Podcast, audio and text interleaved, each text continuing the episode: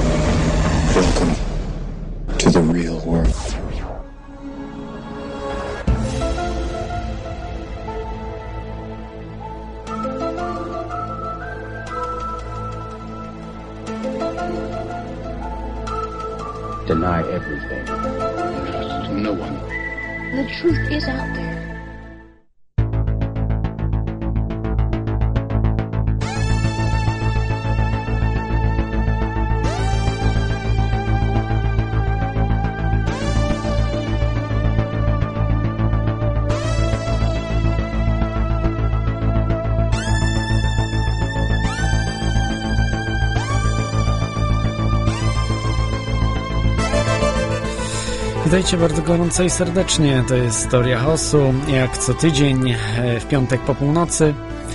E, dzisiaj mamy 19 października, czyli jesień w pełni. E, zbliża się koniec świata, oczywiście. I możecie tej audycji słuchać w Radiu na Fali, a także w Radiu Paranormalium. Dzisiaj mamy wyjątkową audycję, zanim do niej przejdę, bo mamy gościa. E, natomiast e, chciałbym powiedzieć tutaj o jednej sprawie, że odkryto pozaziemską planetę w najbliższym układzie gwiezdnym w Alpha Centauri, który jest oddalono 4 lata, około 4 lata świetlne od, od Ziemi, od Słońca. E, także no, ciekawostka.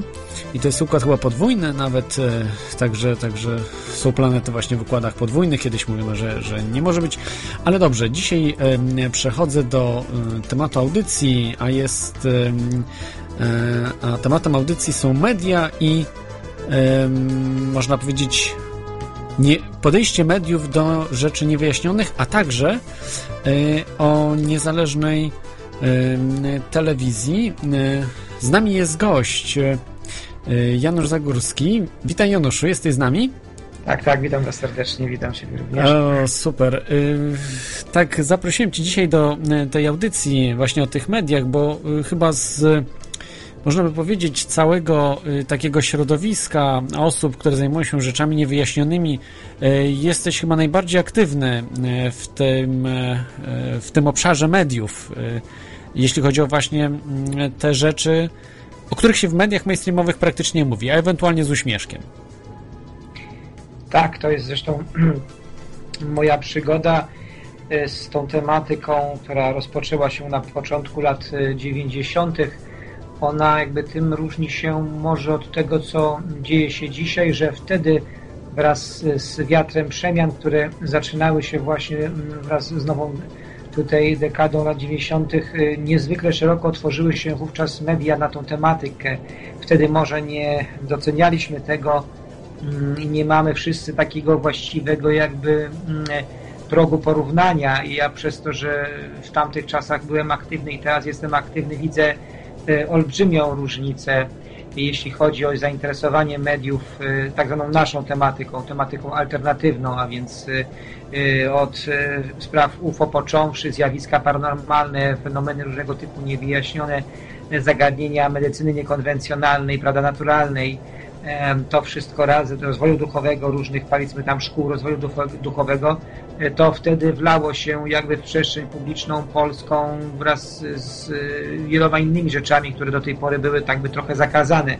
Znaczy wprawdzie w PRL-u o tych sprawach można było mówić i pojawiały się medialne i programy i jakieś tam stowarzyszenia tworzono, natomiast no, nie ma porównania z tym, co stało się po roku 90 i rzeczywiście było takie swoiste zachłyśnięcie się mediów, nowych też mediów, proszę pamiętać, że E, większość mediów e, powstała de facto e, tych prywatnych przecież dopiero wtedy, bo czy duże stacje telewizyjne, czy rozgłośnie radiowe, to wszystko wtedy się rodziło i w tym całym tak zwanym chaosie, a twój program właśnie nosi też odwołuje się do tej pojęcia teorii chaosu, w tak zwanym ówczesnym chaosie było naprawdę dużo otwarcia I ja pamiętam, e, startując praktycznie z niebytu, bo ja się do roku 90 tą tematyką nie zajmowałem i parę miesięcy jakiegoś takiego obcowania z tymi zagadnieniami, jakieś tam spotkania, dyskusje, e, dziennikarze dosyć szybko wyłapali to moje zainteresowanie i pamiętam naprawdę w lata powiedzmy, no może już tak 94, 5, naprawdę mnóstwo różnych artykułów. Miałem nawet taki epizod, że współpracowałem bezpośrednio z 95 roku z telewizją Wrocław, współprowadząc program, redagując taki program e, w telewizji publicznej wrocławskiej, w tak zwanej piątce wtedy, poświęcony tym zagadnieniom. Robiłem wtedy, pamiętam, trzy czy cztery wywiady zrobiłem z ale, świętej pamięci Mostowiczem e, na temat anomalii grawitacyjnych. Był cały zespół ludzi, telewizja jakby oddawała do naszej dyspozycji swoje zasoby. E, w radiu wielokrotnie e, miałem przyjemność więcej. Imprezy te, które już później lata 90. późniejsze, 97 rok, kiedy zacząłem się forum UFO, UFO Forum, bez problemu. Po pierwszym chyba forum miałem już kwadrat medialny RMFFM, co dzisiaj wydaje się rzeczą zupełnie niemożliwą. Y, gazety pisały różne artykuły, nie chodzi tylko o mnie. Ja oczywiście myślę, że to dotyczy większości aktywnych ludzi w tamtym czasie. Y, zainteresowanie też bioterapią, naturopatią, no mnóstwo różnych akcji pamiętam. Sam zresztą pisałem w latach 98-2000 artykuły do, do, do takiej wysokonakładowej gazety Codzienne Słowo Polskie i i potem po roku 2000 uważam, po roku 2000 zaczęła się taka lekka równia pochyła, troszkę może ta milenijna, ten milenijny czas tak jakoś e, napinał wszystkich. I teraz, dzisiaj powiem tak, że sytuacja radykalnie się odmieniła. Nie ma mm, najmniejszego e, istotnego, poważnego zainteresowania e, mediów tą tematyką. Mm, najwyżej w sezonie ogórkowym, wiadomo. Nie chodzi tylko o moją osobę, która się już niezwykle rzadko pojawia w mediach takich tych mainstreamowych. E, są inni przecież no, badacze czy populatorzy, którzy też się nie pojawiają, też ich nikt nie zaprasza. Może jakąś tam aktywność pewną młodszego pokoju, ktoś tam e, poprzez jakąś wirtualna Polska, tam są tam czy w Onecie są takie specjalne. Natomiast media inaczej, media po prostu przez swoich dziennikarzy, przez jakby swój punkt widzenia jakby kupiły tą tematykę i ją sprzedają. Wystarczy popatrzeć na przykład na One czy Wirtualną Polskę, która ma tam swoje takie strefy tajemnic, nazwijmy, prawda? Ale to już jest, są też czasopisma tego, ale to już przyjęło to wszystko korporacje. One czy Wirtualna Polska to są wszystko korporacje medialne. To już nie jest takie niezależne, to już nie jest spontaniczne, to już to już jakby nie sięga e, e, głębi tego zainteresowania, tylko po prostu jest to przerabianie przez ludzi, którym się płaci, e, konkretnej tematyki, która się gdzieś tam już pojawiła, pojawia i się to przerabia w czysto komercyjnych po prostu jakichś powodów. Więc sytuacja wydaje mi się jest, jest, jest paradoksalnie odmienna, ale z kolei nasza aktywność też przyniosła się do internetu. Myśmy po tych wszystkich latach też uciekli trochę jakby do przodu w różne rejony zaczęliśmy poruszać na przykład w sprawach UFO już nie takie rzeczy, które mainstream jest w stanie przełknąć, bo mainstream może przełknąć, że coś gdzieś leciało, prawda, gdzieś ufoludek ktoś zobaczył, natomiast my podejmujemy dyskusje, debaty, y, robimy różne y, jakieś tam seminaria, czy na forum UFO robimy takie rzeczy jak porwani, mhm. powiedzmy, kim, oni, kim są obcy, skąd pochodzą, jakie mają zamiary, jak uwikłana w to jest władza, czy jest, prawda, jakieś ukryte kręgi władzy, a UFO, to są rzeczy, które są już nie do, prze, nie do przełknięcia. I przepraszam, Januszu, y, robicie też, prawda, y, tak chcę przypomnieć, bo y, odsyłam oczywiście do archiwalnych audycji Teorii Chaosu, gdzie możecie posłuchać audycji o UFO na przykład, który, UFO w Polsce. Też, Janusz, organizujesz UFO Forum już kilkanaście razy chyba. To już jest 16 lat 16, pod rząd. o rany.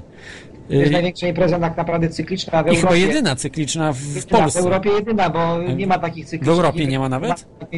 W między powiedzmy 150 a 300 osób, bo mhm. taka średnia tam mniej więcej się krąży wokół tych imprez.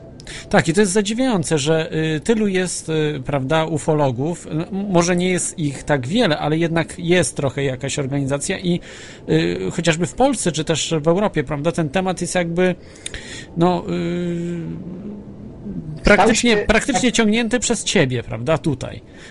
W, tym To znaczy może nie tylko, że przeze mnie, tylko że ja po prostu w ogóle e, tą tematykę UFO, mhm. ja zawsze się interesowałem wieloma zagadnieniami. Ci, którzy... Tak, tak, ale w sensie, y, przepraszam, bo chcę tylko tak wy, tak. wyprostować, y, ciągnięty w sensie tym, że mm, najważniejsze jest to, żeby wychodzić do ludzi.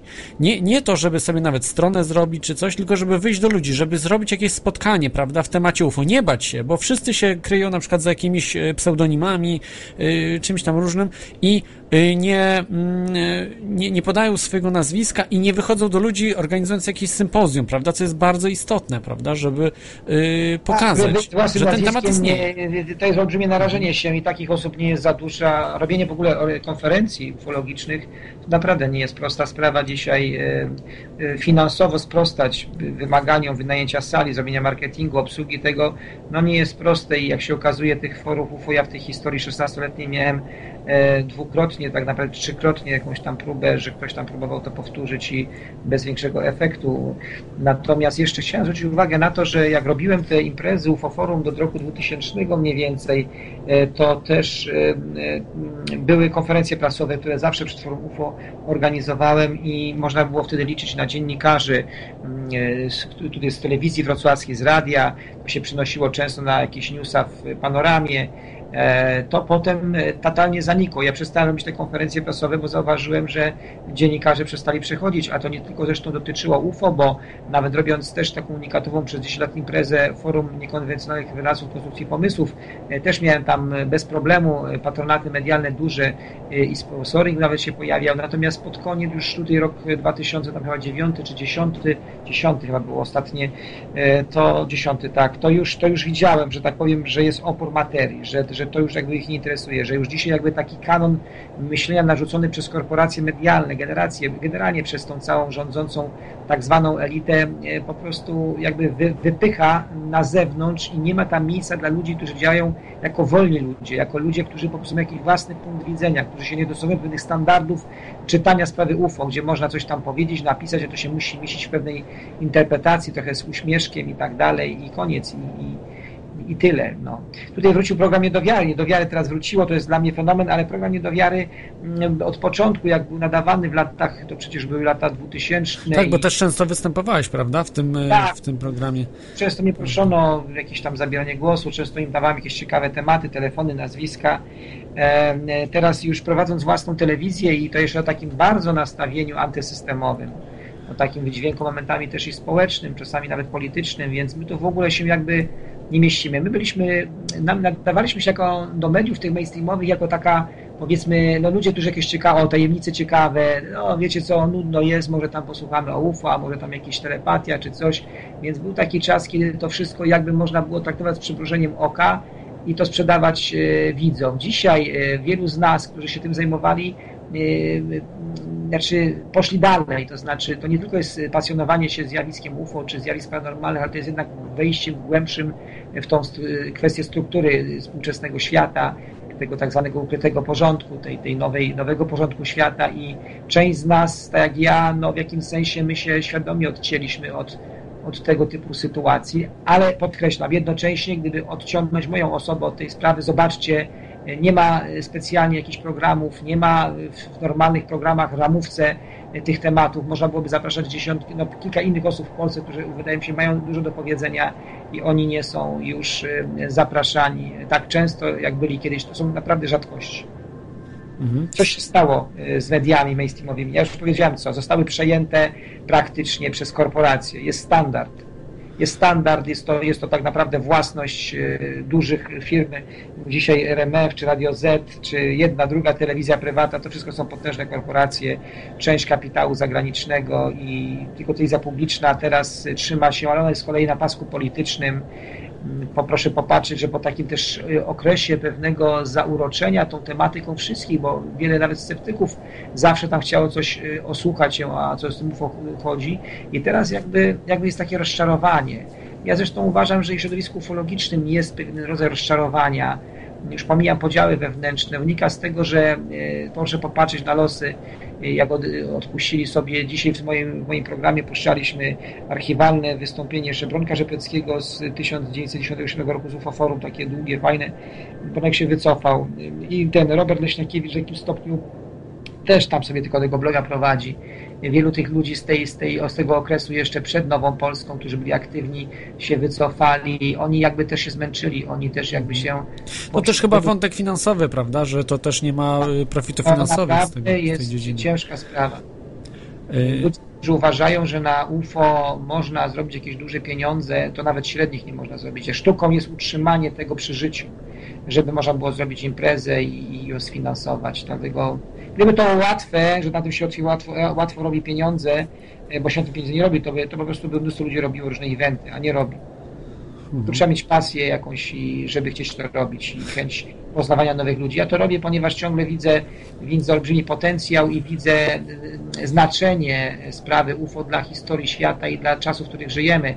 Natomiast też odczuwam, e, jak i większość ludzi, że spodziewaliśmy się, że oni w sposób bardziej jednak ofensywny będą e, manifestować e, swoją obecność tutaj stopniowo wraz ze wzrostem mm, uznania sprawy UFO za fakt, bo tu paradoksalnie z punktu widzenia takiego dojrzewania w świadomości zbiorowej mm, tego poglądu, że nie jesteśmy sami, że oni tu mogą być, to się posunęło dużo do przodu i to paradoksalnie z jednej strony jest w mojej ocenie więcej osób akceptujących ten fakt, że o, coś jest na rzeczy, a jednocześnie jest mainstream, że tak powiem, jeszcze bardziej się od tego odgrodził. To są takie bardzo ciekawe sprzeczności, ale mhm. życie polega na ale, ale tu tak nie do końca się chcę z Tobą zgodzić, e, Januszu, ze względu na to, że e, w Polsce faktycznie jest to, co widzimy, czyli kompletna cisza właśnie w tych tematach rzeczy niewyjaśnionych, tych zjawisk, tylko wyśmianie ewentualnie. E, natomiast za granicą są debaty, są w takich programach jak u Moniki Olejnik, powiedzmy, prawda, jest tam na przykład Larry King Show, Live, przepraszam, czy jakieś właśnie w tych mainstreamowych telewizjach jest bardzo dużo o UFO. Oczywiście, najczęściej się wyśmiewają, ale zapraszani są też eksperci właśnie właśnie ufolodzy, y, którzy to badają, tak jak Stanton Friedman bardzo często jest zapraszany i, i bronią, pokazują swoją twarz, imię, nazwisko i, y, no, i tam już nie jest to temat śmieszny, prawda, w Stanach Zjednoczonych. Jakoś te debaty są, y, ludzie się interesują tema, te, tymi tematami i są oczywiście te zjazdy, prawda, te różne konwenty, czy też jakieś właśnie takie spotkania na temat UFO.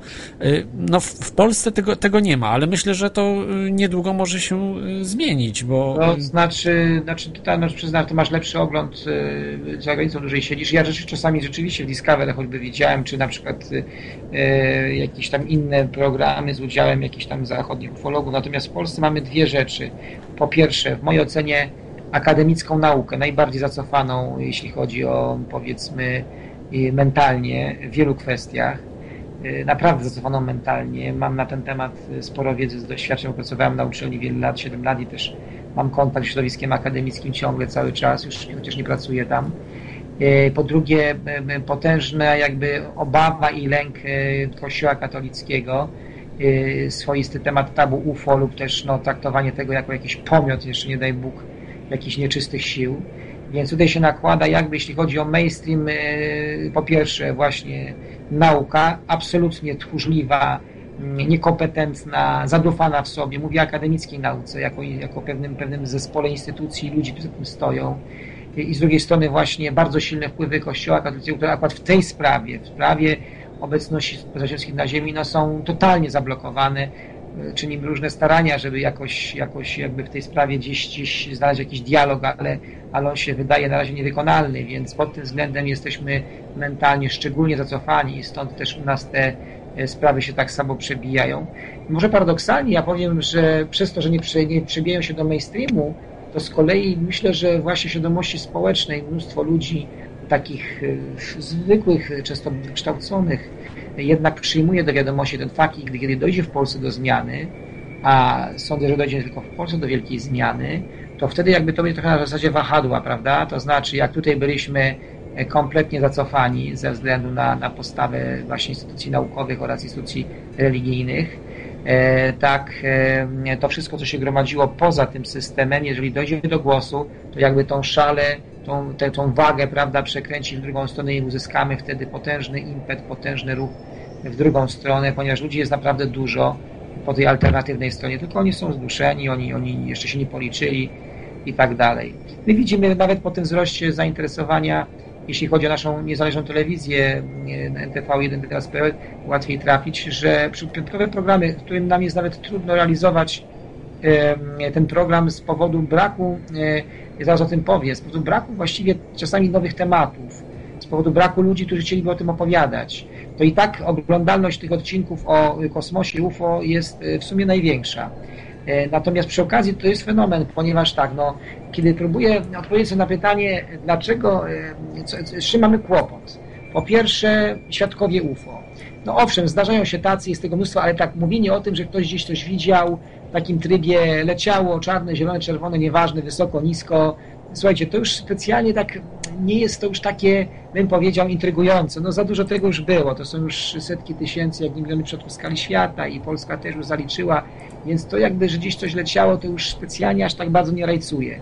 Po drugie, fotografie, prawda, nagrania wideo. No kiedyś jeszcze takie nagranie, zdjęcie gdzieś nawet czarno-białe to robiło no, wypieki na twarzy, emocje i tak dalej, ale weszła technika komputerowa, weszły, weszły cyfrowe, cyfrowe zdjęcia, cyfrowy zapis, wideo i teraz wszystko, co najbardziej niesamowitego możemy nawet na YouTube zobaczyć, ile tych filmików jest, gdzie to wszystko są dowcipy, fotomontaże, więc nie mamy zaufania do, że tak powiem, materiałów zdjęciowych i filmowych, które nam ktoś podrzuci. A żeby taki materiał sprawdzić, to trzeba mieć mnóstwo czasu i pieniędzy, żeby pojechać, odnaleźć świadka, zrobić badania specjalistyczne, kto na to ma pieniądze, więc tutaj się mhm. te materiały filmowe i zdjęciowe w żaden sposób jakby też specjalnie nie bronią. No pokażesz, że haha, oszustwo i zaraz ci zrobią taki fotomontaż, że idealnie wygląda jak prawdziwe zdjęcie UFO i będą się śmiać, prawda? Już miałem takie przypadki, że gdzieś tam ktoś zdjęcia wysłał fajne i tam ktoś po prostu y, podrobił, prawie dokładnie to samo zrobił, bo to wszystko można podrobić, takie programy ludzie robią i nawet lepiej może niż te niedane nam siły i, i, w związku z tym no, no nie masz tutaj tej wiarygodności, prawda, no to co stało, no jeśli chodzi o,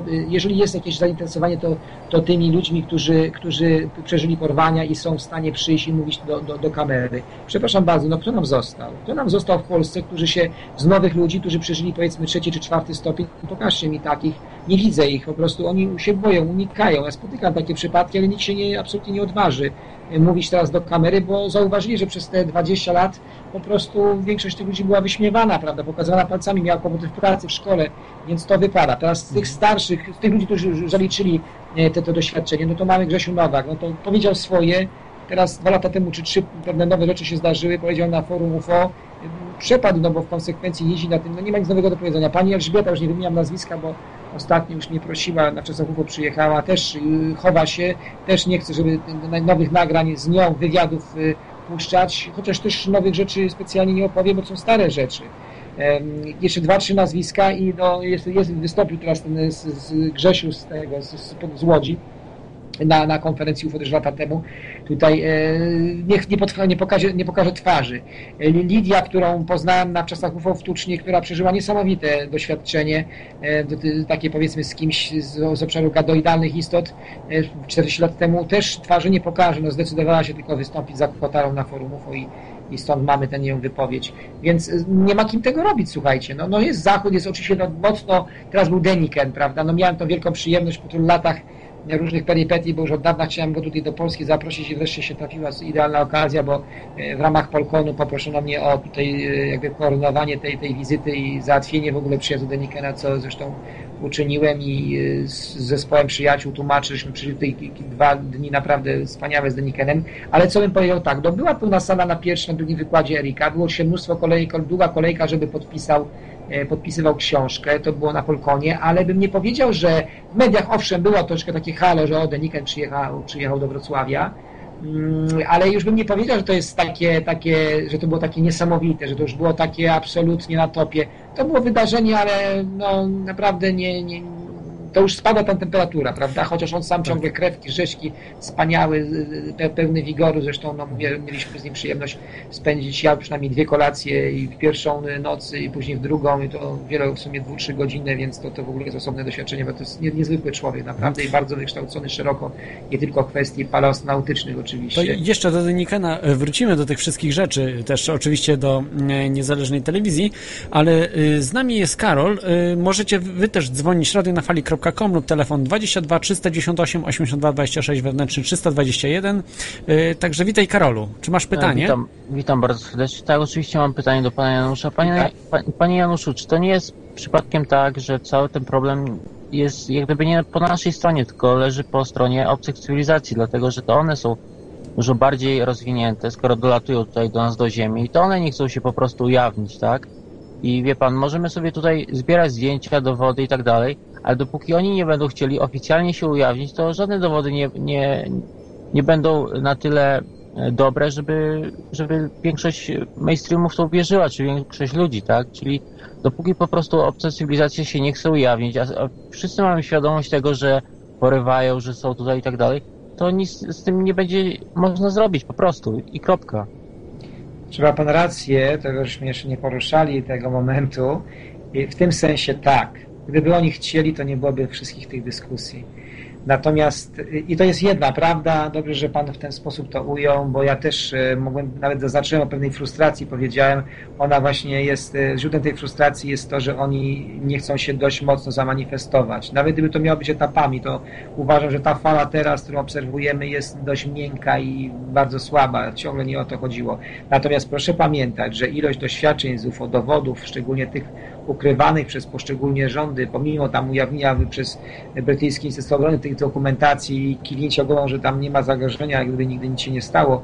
Więc tak, gdybyś była wola po stronie ludzi, którzy mają wiedzę e, o, o UFO i to wiedzę szokującą, wiedzę niebywałą, również artefakty z przeszłości pochowane po różnych muzeach, to gdyby e, istniała wola polityczna na tej planecie, żeby ujawnić to, co mają, to byłaby wystarczająca w ogóle dawka, że tak powiem, faktów i do, do, do tego, żeby tą prawdę y, po prostu zobaczyć i żeby ci, którzy się śmieją, wątpią to, czy, czy są neutralni, żeby po prostu no, nie mieli wątpliwości, że, że to jest. Ale wtedy byłaby ta sama sytuacja, dlatego że, nie wiem, teraz Obama jakieś tam e, nowe dowody będzie wprowadzał i dopóki oni się nie ujawnią, to i tak nie będziemy w pełni świadomości, że rzeczywiście oni są, tak?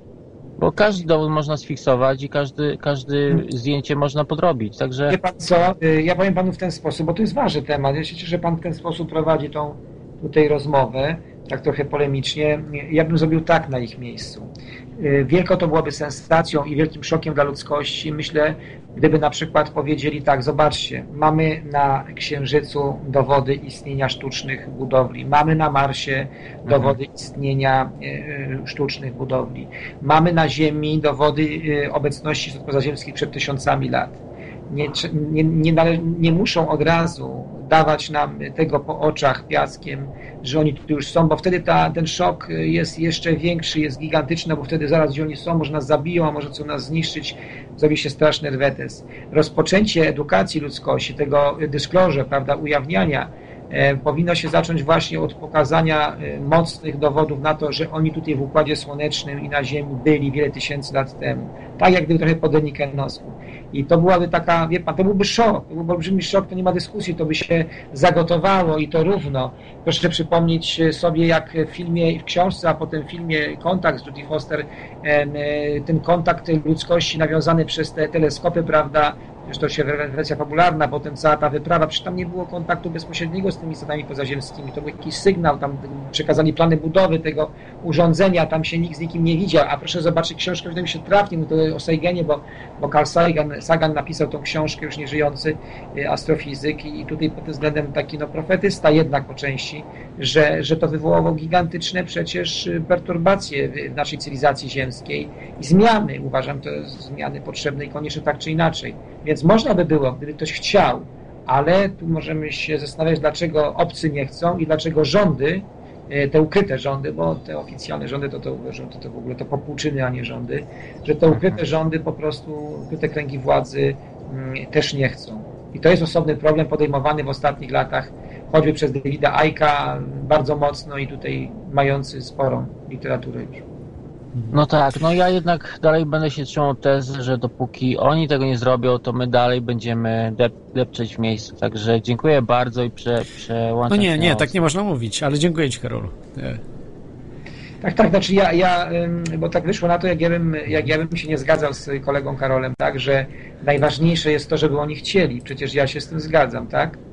Halo? Tak, tak. Y, Karola już nie ma. Przecież ja, tak. ja, ja nie mogę mieć innego poglądu na ten temat. Natomiast zwracam uwagę na to, że nawet kiedy oni by nie, nie chcieli, to my mamy wystarczająco dowodów i faktów ich obecności i w przeszłości, i, i dzisiaj.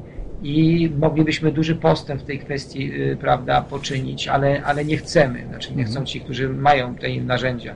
Także nie ma jakiejś głębszej różnicy zdań, tylko podkreślam, że my też moglibyśmy coś w tej sprawie zrobić, nawet bez, bez tej aktywności obcych, no ale nie chcemy. Tak, myślę, ja tak ze swojej strony dodam, właśnie myślę, że to jest e, kluczową sprawą jest dezinformacja, że y, te dowody już byłyby dawno, że ludzie nawet posiadali, prawda, jakieś różne fragmenty, y, czy też spotków, czy też jakichś y, ich pojazdów, czy też jakichś artefaktów, które ewidentnie świadczyłyby o tym, że pochodzą nie z tej ziemi, znaczy nie, nie wytworzyła ich cywilizacja ludzka, tylko, że to wszystko jest przejmowane właśnie przez te tajne organizacje, które zajmują się dezinformacją i z, z drugiej strony z, zbieraniem wszystkich różnych takich artefaktów z, całe, Tak. z całego świata. I ym, po prostu wiadomo, w takim celu, aby to nie wyszło na jaw, że, że Tak. y, o tym też Erik do, y, von Däniken mówi, prawda, Tak. że, że znajdowane są takie y, oczywiście starożytnych kosmitów, różne jakieś takie rzeczy i to wszystko tak samo jest utajniane. Dokładnie. No i tutaj to trudno, no po prostu trzeba walczyć, prawda, z tym, z, tym utajnianiem, ale nie jest to proste zada zadanie, to jest e, bardzo trudne, bo to nie jest fizyk, który sobie w laboratorium, prawda, siedzi i coś odkrywa, bo jego nikt nie blokuje. Natomiast tutaj właśnie jest ta rządowa e, taka dezinformacja. e, I to taka rządowa w sensie nawet nie formalnie, że rząd polski, bo Tak. Rząd polski w mojej ocenie jest kompletnie, jak to się mówi, niekompetentny w takim temacie i tam są politycy, którzy Ale jeśli w Polsce ktoś... to bardzo jakąś grupą w wojsku polskim, myślę, że to nie w polskim, w tym sensie, no w polskim, no wśród, wśród myślę, że tutaj jedyną kompetentną strukturą mającą jakąś istotną wiedzę o UFO w Europie są, są tajne komórki NATO, e, związane oczywiście z wywiadem, głównie wywiadem wojskowym, które niewątpliwie gromadzą te informacje profesjonalnie, mają dostęp do, do takich rzeczy, do których my nie mamy. I, I pod tym względem to jest to bardzo wąska grupa ludzi, ona się z tą wiedzą nie ujawnia, e, bo, bo po prostu z różnych względów. Ja często, kiedy rozmawialiśmy, dlaczego e, ci, którzy wiedzą w strukturach wojskowych, e, w tych powiedzmy wywiadach, w tych wszystkich utajnionych grupach, dlaczego oni nie chcą podpowiedzieć e, władzy cywilnej, e, z czym mamy do czynienia. Po pierwsze, e, sami mają świadomość, że dopóki oni są jedynymi i takimi nielicznymi depozytariuszami takiej wielkiej tajemnicy, mają gigantyczną przewagę nad tym światem e, rzeczywistości publicznej, politycznej, tej tak zwanej jawnej, prawda? Więc e, oddawanie e, tematu tak szokującego do jakiegoś obiegu publicznego oznacza też trzęsienie ziemi, również pociąganie, czyli również postulaty pociągnięcie ich do odpowiedzialności za to, że te, przez te wszystkie lata ukrywali te gigantyczne zasoby i w związku z tym jakby są winni tego wielkiemu oszustwu, jakie na planecie trwało przynajmniej kilkudziesięciu lat. Drugim powodem jest to, że nawet gdyby iluś tam odważnych ludzi e, a myślę, takie próby były przez nich robione, bo żadna struktura nie jest jednolita i ja bym nawet, e, gdybyśmy mieli czas, skazał takie momenty w historii Stanów Zjednoczonych, kiedy uważam, że podejmowano pewne próby sprawdzania, na ile opinia publiczna, takie powiedzmy kręgi tej, tej, tej, tej publicznej jakby władzy są przygotowane na, na te sprawy i, i przecież opinia publiczna. Natomiast drugim powodem jest to, że, że ci, którzy rządzą y, na tym, w tej jawnej przestrzeni, oni też nie chcą mieć takich kukułczych jaj. No, no, no przecież ludzie, no, no, no co taki polityk, weźmy sobie wyobrazić polityka, czy to lewego, czy prawego, który, który nagle ma wyjść z tematem, że, na, że, że tutaj obcy na, na ziemi są i prawda, mają bazy, czy coś takiego. No przecież to on nawet niektórych pojęć to mu przez, przez język nie przejdą, przez gardło mu nie przejmą, przejdą, on ich nigdy nie używał, prawda? No trochę może prywatnie, bo tam e, dziecko, prawda, czy ktoś tam może, więc y, to jest kłopot. I ci, którzy mają przyjść do nich z taką hiobiową, hiobową, hiobową wiadomością, słuchajcie, oni tu już są, to przecież pierwsze, co, co, co usłyszą od polityków, to, to po prostu dymisja za to, że ktoś cię, jakiś dureń się znalazł i jakąś może prowokację szykuje, bo to tak, no popatrz, przychodzą ci ze służb specjalnych i próbują ci e, podrzucić jakiegoś szczura, prawda, złapiesz się na to, że to jakaś poważna historia, wyskoczysz tym publicznie, poinformujesz ludzi, po prostu oni siebie durnia zrobią, nie? Więc każdy się boi, bo, bo więc jakby obawy są z obu- stron, z każdej strony nikomu to nie jest na rękę. Tamci, bo po co mają się narażać? Y, Po drugie, po co w ogóle oddawać takie tajne informacje ludziom, którzy kompletnie są niekompetentni w ogóle do tego, żeby rozumieć świat. No, Przecież tak, my nie musimy pracować w służbach specjalnych, żeby mieć wiedzę o i to dość głęboką, prawda? Każdy człowiek, łącznie z prezydentem, premierem, ministrem, urzędnikiem lewym czy prawym, jest w stanie posiąść wiedzę mniej więcej podobną do naszej. Wystarczy tylko się pochylić nad tym, co, co jest prawda, na rynku informacyjnym, bo to wszystko przecież jest, prawda? Są książki, filmy, są świadkowie, wszystko można mieć, jak się chce. Mhm. Ale przecież większość z nich się nie pochyla, prawda? Chociaż tak prywatnie to powiem wam, że ja się nie stykam z tymi ludźmi establishmentu zbyt często, że w danych czasach jak byłem studentem i mocno działałem, to znałem różnych ludzi, którzy mi karierę polityczną zrobili, to nawet docierało do mnie, że niektórzy są po cichu się zainteresują, ale publicznie, o Jezus Maria, nikt się nawet nie zająknie. To jest wszystko tchórzostwo. Pamiętajcie, oni dbają przede wszystkim o to, żeby się utrzymać na tych stanowiskach czy w tych karierach politycznych i nikt z nich nie zaryzykuje nigdy. Nie zaryzykuje. Dopóki nie będzie to e, prawdą oczywistą, że na której można jeszcze zbić kapitał polityczny, to oni palcem nie kiwną, żeby jakąkolwiek prawdę w tej kwestii ujawnić. A chciałbym się takie tutaj pytanie zadać, bo to chyba jedyna audycja, e, oprócz oczywiście tam w, w Twojej, e, Janusze, telewizji, czy, czy, czy no, raczej chyba tylko w tych dwóch. E, pytanie, jakie to służby? Bo mówisz, że nie wojsko polskie, prawda? Nie te takie stricte służby podlegające pod rząd polski. Czy... Tak. Ja uważam, to jest moja, znaczy ja po prostu stykałem się z ludźmi, jeszcze kiedy mój kolega, który nie zapowiadam nazwiska, jego już nie przytaczam. W naszym klubie FNC na, na początku lat 90. działał taki chorąży zawodowy, e, który tak w wojsku zajmował się UFO czysto prywatnych powodów i nawet załatwiał mi, e, pamiętam, spotkania, rozmowy z oficerami, którzy po prostu no, byli otwarci, mieli jakąś tam wiedzę. E, to były takie spotkania w zasadzie no, niezobowiązujące. On sam zbierał, no, tolerowany wtedy, pamiętam, E, bardzo tak przez tą swoją kadrę dowódczą, no bo zbierał różne informacje o tym, jak w wojsku gdzieś ktoś coś widział i to było prywatne, ale mówił mi, wiesz mam takie marzenie, żeby trafić do takiej specjalnej jednostki, która zajmuje się tym UFO. No i minęło może 2-3 lata, nagle się kontakt z nim urywa i ja tam, tam powiem, co tak jest coś, tam nie widujemy się, tam coś tam, on już słuchaj, nie mogę z tobą rozmawiać na te tematy. I dał mi do zrozumienia bezsłownie, że no wreszcie jego marzenie się sprawdziło, spełniło. No, ostatnio się z nim spotkałem, już rok temu chyba, no akurat już jakby twierdzi, że wyszedł jakby z tej, z tej, z tej służby. Bardzo możliwe, bardzo możliwe. Ale nie rozmawiamy, bo też i on w naturalny sposób boi się ujawniania tych tajemnic. Ja też go nie wypytuję, nie chcę go narażać na jakieś kłopoty, ale, ale też y, z takich sytuacji jak ta i z paru, z paru innych wywnioskowałem oczywistą i prostą rzecz. Zresztą jak to było nawet na spotkaniu z ministrem, często to powtarzam, z ministrem obrony narodowej, tutaj we Wrocławiu na stronie Posadudka Onyszkiewiczem, kiedy miałem okazję zadać mu pytanie o UFO, zresztą było totalną powrótę tam w salonie, no to on mi odpowiedział w mojej ocenie uczciwie, że on w ogóle nie wie, żeby takie, że on nic nie wie żadnej, ani, ani o zespołach wojskowych i tak dalej. Wprawdzie były pewne grupy wojskowe w Polsce powoływane na przykład do sprawy nadarzyc i to na przykład pisała prasa wojskowa o tym, prawda?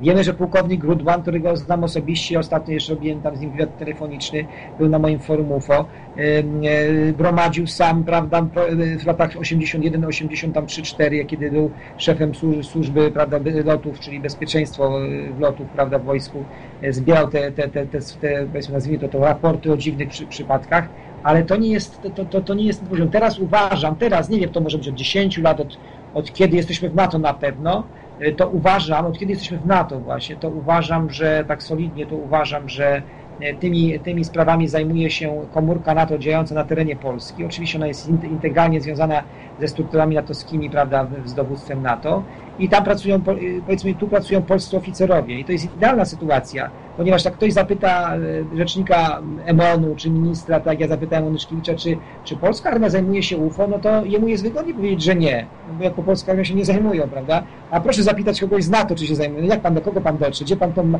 jakiegoś ma, ma, ma przedstawiciela tego NATO w Polsce, to można zapytać o coś. No przecież pan do niego nie dotrze, to, on nie podlega żadnej weryfikacji, tego ministra nie będzie wybierał, nie będzie nie budował absolutorium, nigdy będzie w parlamencie za nim głosował, czy go podważał, więc wie pan, no, no to, jest, to jest genialnie pomyślane. Tutaj zresztą cała ta władza na planecie teraz jest kapitalnie przechwytywana od tych instytucji, które, na które mają jeszcze wpływ obywatele i prze, przestawiona do tych instytucji, które już tego wpływu nie mają. Zobaczcie na przykładzie NASA, to jest tak ewidentny przykład, co się stało z podwojem kosmosu, kiedy NASA nie ma już kasy na, powiedzmy, budowanie tych cholernie się drogi, to jest katastrofa, te wahadłowce i tak dalej do muzeum już poszły. W zasadzie już nie lata w kosmos, musi się z Rosjanami na Sojuzach zabierać, prawda, tą stację orbitalną bo, bo nie ma kto ich zawozić tam, prawda? A tymczasem nawet w mainstreamowych mediach przeszła informacja, że właśnie po roku latania wylądował e, pojazd kosmiczny w Pentagonu, prawda?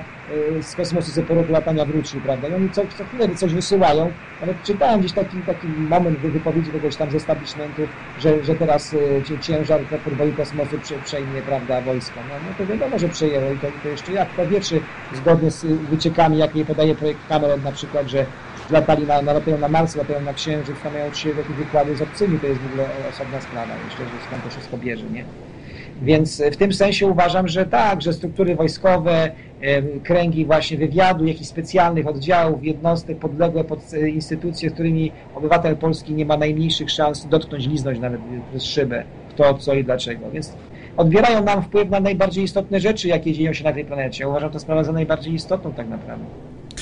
W tej sprawie. No. Tak, myślę, że właśnie to jest najbardziej istotne, aczkolwiek w mediach można by było y, pomyśleć i też y, tak muszę tutaj powiedzieć, że wielu słuchaczy, także i teorii chaosu, uważa to ten temat za mało ważny, aczkolwiek interesujący. Że często właśnie ludzie y, nie, mm, nie uważają tego tematu za mm, ważny, ale bardzo się miło tego słucha. Myślę, że jest taka podświadomo, podświadoma chęć poznania tej prawdy, bo mm, czy istnieją kosmici? Każdy się tym tak, właśnie, właśnie tym się różnimy, że, że ludzie w naturalny sposób myślą, że to jest taka sobie tylko przygoda intelektualna. O, popatrz, są jednak, nie? Jak to miło. No, przewartościujemy pewne poglądy filozoficzne. Ja uważam, że to jest w ogóle tylko to jest wierzchołek góry lodowej, że to, że, oni, że nie tam, że daleko są, to, że daleko są, to pytałem biskupa Pieronka i, i innych księży i wszyscy są za i, i Kościół głosi, że Bóg jest wielki i stworzył i na pewno gdzie indziej, więc to jest żadna odwaga, żadna intelektualna głębia stwierdzić, że życie inteligentne poza naszą planetą może istnieć gdzieś w kosmosie, bo to już jest banał. Natomiast, natomiast to, że oni są tu i teraz, to nie jest kwestia ciekawostki. To, to jest po prostu tak ciężka kwestia, przepraszam za to słowo, ale jako politolog z wykształcenia pozwolę sobie użyć słowo polityczna. Ta kwestia dotyczy w ogóle y, toż, suwerenności rodzaju ludzkiego, jego, jego, że tak powiem, tożsamości, jego źródeł y, powstania, skali kontroli nad rozwojem rodzaju ludzkiego, jak, jaka jest, jak jesteśmy objęci, w jakim sensie opresji, jaka towarzyszy te, y, przynajmniej no, w jakim stopniu ta opresja jest, jest, jest ewidentna, tylko że no, no ona nie jest stuprocentowa, bo też nie, nie tylko ci tak zwani źli mają wpływ na sprawy Ziemi, więc to są sprawy, wie pan, wiesz, słuchaj, to jakbyśmy, no to jest sprawy, no to jakbyś pytał się o niepodległość i suwerenność Polski, o to, czy to być naród podbity, czy ma być wolny. No.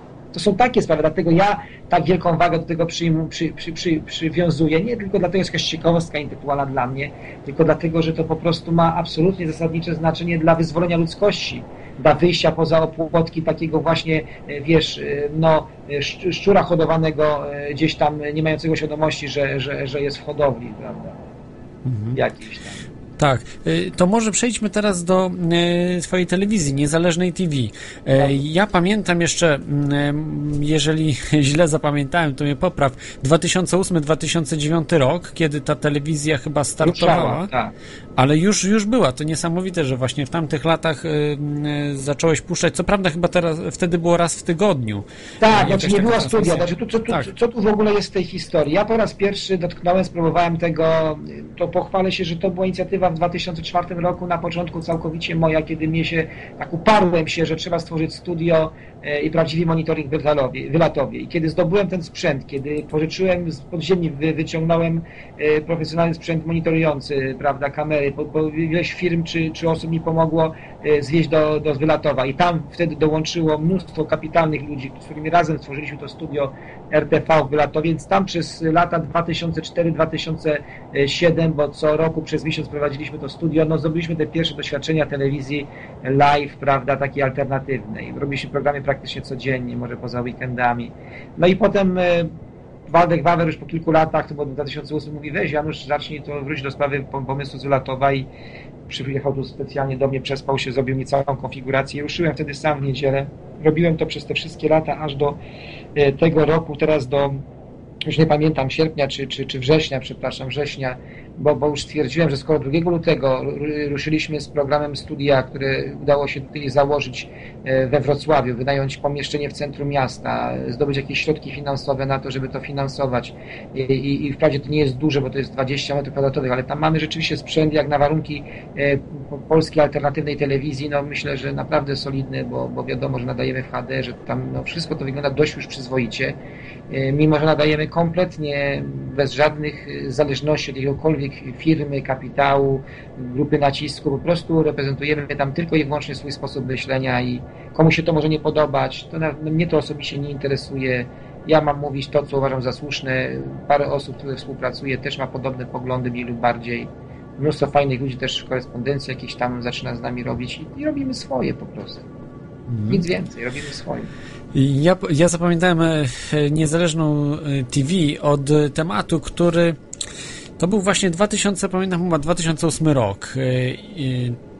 Były w tym, w tym programie u ciebie informacje o chemtrails, o tych chmurach chemicznych. Tak, tak, I to było niesamowite, bo wtedy w ogóle nie wiedziałem, że to jest jakiś spisek, w tym dopiero się zainteresowałem tym tematem i to mnie zszokowało, że właśnie jest ktoś w Polsce, kto się interesuje takimi tematami, y, do które już są kompletnie wyśmiane, bo jeszcze UFO tam powiedzmy, ale... było oswojone, ale chemtrails tak, to ale... kosmos, jeszcze większy niż UFO. Kosmos i, i niesamowicie, i to jednak większość ludzi stwierdziło, że jednak coś w tym jest, bo, bo za zadzierają głowę do góry i to można zobaczyć. UFO można nie widzieć, tak? Ale tak. te chmury to każdy widzi. Ja jestem w Polsce teraz i to widzę, bo w Irlandii aż tak źle nie ma, bo Irlandia nie należy do NATO, to po prostu nie ma, y, a samoloty latają tak samo często, jak nie częściej, bo jest naprawdę bardzo, mm, bardzo mocny ruch lotniczy. Po prostu co się w Polsce dzieje, to jest, y, no nie ma, nie ma normalnego nieba praktycznie. Nie ja ma normalnego jestem, nieba. To, to, to, to jest po prostu tylko jakaś zawiesina taka biało-niebieska. Tak. E, powiem, powiem, dla mnie najbardziej szokujące jest to, że ludzie tego nie zauważają. E, to po prostu to jest, to jest nie do pomyślenia, przecież to po prostu jest nad naszymi głowami. Wystarczy popatrzeć e, kilkanaście minut i już wiesz, z czego te chmury sztuczne się biorą, bo każdy pamięta, jakie są chmury naturalne, a kiedy sztuczna chmura powstaje, to jest zupełnie czytelne. Trochę nam brakuje, powinniśmy taki zrobić dzień, e, powiedzmy stop chemtrails, dzień patroli, żeby nagrać porządnie przez 7-8 godzin od situ do późnych godzin tam popołudniowych jednym longiem cały ten proces, kiedy, kiedy samolot leci, smuga, wiadomo, następna, następna krzyżowanie i z tego robi się zawieszenia, bo ludzie y, po prostu nie widzą tego związku. Przyleci samolot, no to a, smuga kondensacyjna. Za dwie godziny patrzy chmura taka zawieszenia, no to chmura, nie? To jest chmura, to nie ma nic wspólnego z samolotem, no. A to takie proste, tylko kto stoi dzisiaj dwie czy trzy godziny i patrzy się w niebo i widzi ten związek między pojedynczym e, przy, przy, prawda, przy samolotem, który zostawi smugę, a potem za trzy godziny tych smug jest kilkanaście, kilkadziesiąt robi się chmura. Jeszcze wiatr przepędzi, więc to wiadomo, że przychodzi w miejsce, gdzie wcześniej nic nie było i jest to już zawiesina i nawet nie widzę, tam samoloty nie musiały latać, a zawiesina będzie wisiała, bo ją wiatr trochę, prawda, przesunął. To są niesamowite rzeczy i zresztą nawet w dokumentach oficjalnych się przebija cała ta akcja z tym chemtrails. Wiadomo przynajmniej jaka jest oficjalna przykrywka, w cudzysłowie oficjalna, bo nikt tego się ludziom nie mówi, ale jak ktoś zapyta i dopyta, to mu wyjaśnia. Gdyby tam trafił do ONZ-u, to by mu wyjaśnili, prawda? Co to jest za program, czemu to służy, to niby ochrona przed ociepleniem klimatu, przed promieniowaniem słonecznym, stąd ten aluminium i tak dalej. Więc oni to przykryli czymś takim, a w mojej ocenie i znowu już większość ludzi nawet w naszej branży powiedziała, o, to, to, to, już coś wymyśla. Według mnie jest to ściśle powiązane z jednak z projektem HARP i te, te, te wiadomości, które napływają do nas w tej kwestii uważam za, za poważne, warte rozpatrzenia i niewątpliwie e, oddziaływania teraz harpem i częstotliwościami drgań na całą tą właśnie jonosferę i, i, odbijanie się tam prawda, od tych chmur w kierunku Ziemi różnych częstotliwości drgań jest rzeczą no, wręcz prawie pewną, tym bardziej, że im więcej wiemy o biorezonansie, o tych procesach związanych na przykład z wpływaniem na człowieka, możesz człowiekowi poprawić stan wątroby, czy, czy, czy prawda, samopoczucia, czy nerek, wszystkiego, co masz, zabić patogeny typu jakieś bakterie, wirusy, a możesz je zresztą tam wspomóc, prawda, w zależności od tego, jaką częstotliwość drgania, a tych są biliony, wybierzesz i wrzucisz, prawda, więc jeżeli na poziomie mikro, czyli człowiek, nowoczesna medycyna, prawda, biorezonans działa to, dlaczego to nie ma nie działać na skali całej planety, kiedy z urządzeń typu HARP, y, prawda, podobnych y, wysyłają potężne wiązki, wiązki drgań różnych elektromagnetycznych częstotliwości, których nie znasz przecież ich, y, ich parametrów, prawda, i one ci prują, jak mają zawiesinę tego typu, mogą się odbić, prawda, i wracają ci tutaj do, do, do ciebie, nawet nie czujesz tego, na co możesz być dodrażniony, możesz, możesz mieć różne stany, prawda, lękowe czy, czy, czy frustracyjne, dziwisz się. Ja uważam, że ten stan przygnębienia ludzi, który obserwuję, nie tylko wynika z tego, że no coraz trudniej się żyje, że stosunki międzyludzkie są coraz trudniejsze, że każdy za kasą, żeby przeżyć, że między innymi te procesy ekonomiczne, zniewolenia ekonomicznego, finansowego są wspomagane przez jakieś eksperymenty na poziomie właśnie tego globalnego, globalnej kontroli umysłu i oddziaływania na organizm ludzki, na umysł człowieka poprzez odpowiednie frekwencje elektromagnetyczne. Y, to jest wielce prawdopodobne ze względu na to, że y, w globalnym ociepleniu to no, aż, tak, aż tak się nie znam, ale w każdym razie wiem, że to wyliczono, że to musiałoby być bardziej systematyczne, większa, większa powierzchnia i wiem, że zdarzają się też w nocy, a w nocy tak, nie ma tak, potrzeby. Tak, bo... w nocy na własne oczy, więc to całkowicie przekreśla tą całą ideologię, Tak. taką półoficjalną ideologię, że oni bronią nas przed ociepleniem klimatu, bronią nas przed słońcem. To jest właśnie dowód na to, że po nocach latają, a widziałem to nieraz. Także, także jest, jest coś na rzeczy i myślę właśnie, że y, to jest bardzo prawdopodobne, że y, chodzi o jakieś sterowanie umysłem, czyli żeby ludzi uśpić, żeby tak, no, tak samo ten fluor, prawda, do wody dodawany y, masowo, może niekoniecznie w Polsce, ale na pewno w Stanach Zjednoczonych i Europie Zachodniej jest on masowo stosowany. Zresztą hitlerowcy jako pierwsi to y, stosowali i to ma otępiać po prostu ludzi. Ma, mają być takimi zombie jakby, takimi no tylko do pracy i z powrotem i nie myśleć tak, do konsumpcji, oczywiście, tak, muszą jeszcze kupować, no bo ktoś musi bogacić na tym, na tym procesie. No. Tak, bo nie, absolutnie nie wolno wyjść z systemu. Tak jak ostatnio był taki festiwal Cohabitat, gdzie uczyli ludzi, już kilkaset osób uczy, uczyli, jak można sobie poradzić po prostu bez systemu z budową domu. Tak. Czyli, że nawet już nie z cegły można budować, ale ze słomy, która też jest rewelacyjnym materiałem budowlanym i po prostu takie, takie rzeczy się zaczynają. Ludzie zaczynają po prostu ze sobą współpracować i w końcu, jeżeli ludzie y, będą mogli obniżyć koszty na przykład budowy y, domu, będą mogli sami sobie budować tego typu rzeczy, sami zdobyć fach, do, bo to jest dużo prostsze, prawda, niż stawianie z, z cegły. Y, nie mówię, że dla każdego, ale, ale dla, dla tych, którzy nie mają domu, tak, bo przecież większość ludzi nie ma, musi wynajmować, całe życie pracować na mieszkanie, kawalerkę w Warszawie, prawda, trzeba całe życie pracować. To jest, to jest po prostu system dzisiaj jest no, no potworny, yy, yy, który mamy i... To słowa jest potworny, tak, bardzo uważam, że tutaj te słowa są zupełnie na miejscu, to co się dzieje to jest po prostu potworne. Yy, że to po prostu kiedyś przecież zupełnie było inaczej. Człowiek sobie potrafił wybudować dom w przeciągu niecałego roku, no, nawet szybciej, paru miesięcy i nie potrzebował do tego banku. No, oczywiście było większe przestrzenie, były lasy dostępne, prawda, drewno, ale, ale ludzie jakoś sobie sami, prawda, potrafili budować, czy też różne budynki użyteczności społecznej i tak dalej, tak jak na Dzikim Zachodzie, prawda. To przecież były dużo prymitywniejsze czasy, nie było takich narzędzi jak dzisiaj, takiej dostępności tego wszystkiego, a ludzie sobie jakoś radzili i nie potrzebowali do tego banku żadnego. Dzisiaj natomiast nikt sobie nie wyobraża, żeby no nikogo nie stać, tak, żeby też mieszkanie kupić, ale nawet nie myśli człowiek, że może sam wyjść z tego systemu i samemu sobie poradzić. Z... Nie, ponieważ wszystko, co widzi w telewizji, w radiu, w prasie jest osaczone przez przez te właśnie korporacje, które sprzedają materiały budowlane, które mają technologie, lity, patenty i są właścicielami tych wszystkich najważniejszych wytwórni, tego, co potrzebne jest do, do zbudowania domu, czy to cały też przemysł, de, de, deweloperzy, to wszystko to też już zaczyna być coraz bardziej przechwytywane przez duże firmy, więc pod korporacje. Jest cały czas proces y, oddzielania, powiedzmy, obywateli od własności, od, od wpływów, prawda, i przechwytywania y, wszystkiego, co ma jakąś wartość przez wąskie grupy elity, tak zwane, powtarzam, bo dla mnie ktoś, kto przechwytuje prawda, władzę nad ludźmi, ktoś, kto, kto chce wykorzystywać ludzi, nie, jest, nie, nie, nie zasługuje na miano w ogóle elity, po prostu dlatego zawsze mówię tak zwane elity i, i tyle. Natomiast wracając jeszcze do kwestii, żeby nas tutaj nasi słuchacze nie, tutaj, znaczy nie, nie, tutaj nie upomnieli, że ja lubię te tematy społeczne, Michał, to nie ma problemu. Ja, jeśli chodzi o ekonomię, też z chęcią. Tak, w, wrócić do, do tych chemtrails, prawda? W ostatnio. Niezależnej telewizji. Ale, ale tak, do niezależnej telewizji, tak jest. Też w niezależnej telewizji dużo macie polityki. Jednak tak, można powiedzieć 50% to jest jednak taka polityka znaczy głównie przez Alter News, to prawda, ale też przez poniedziałki, przez środy.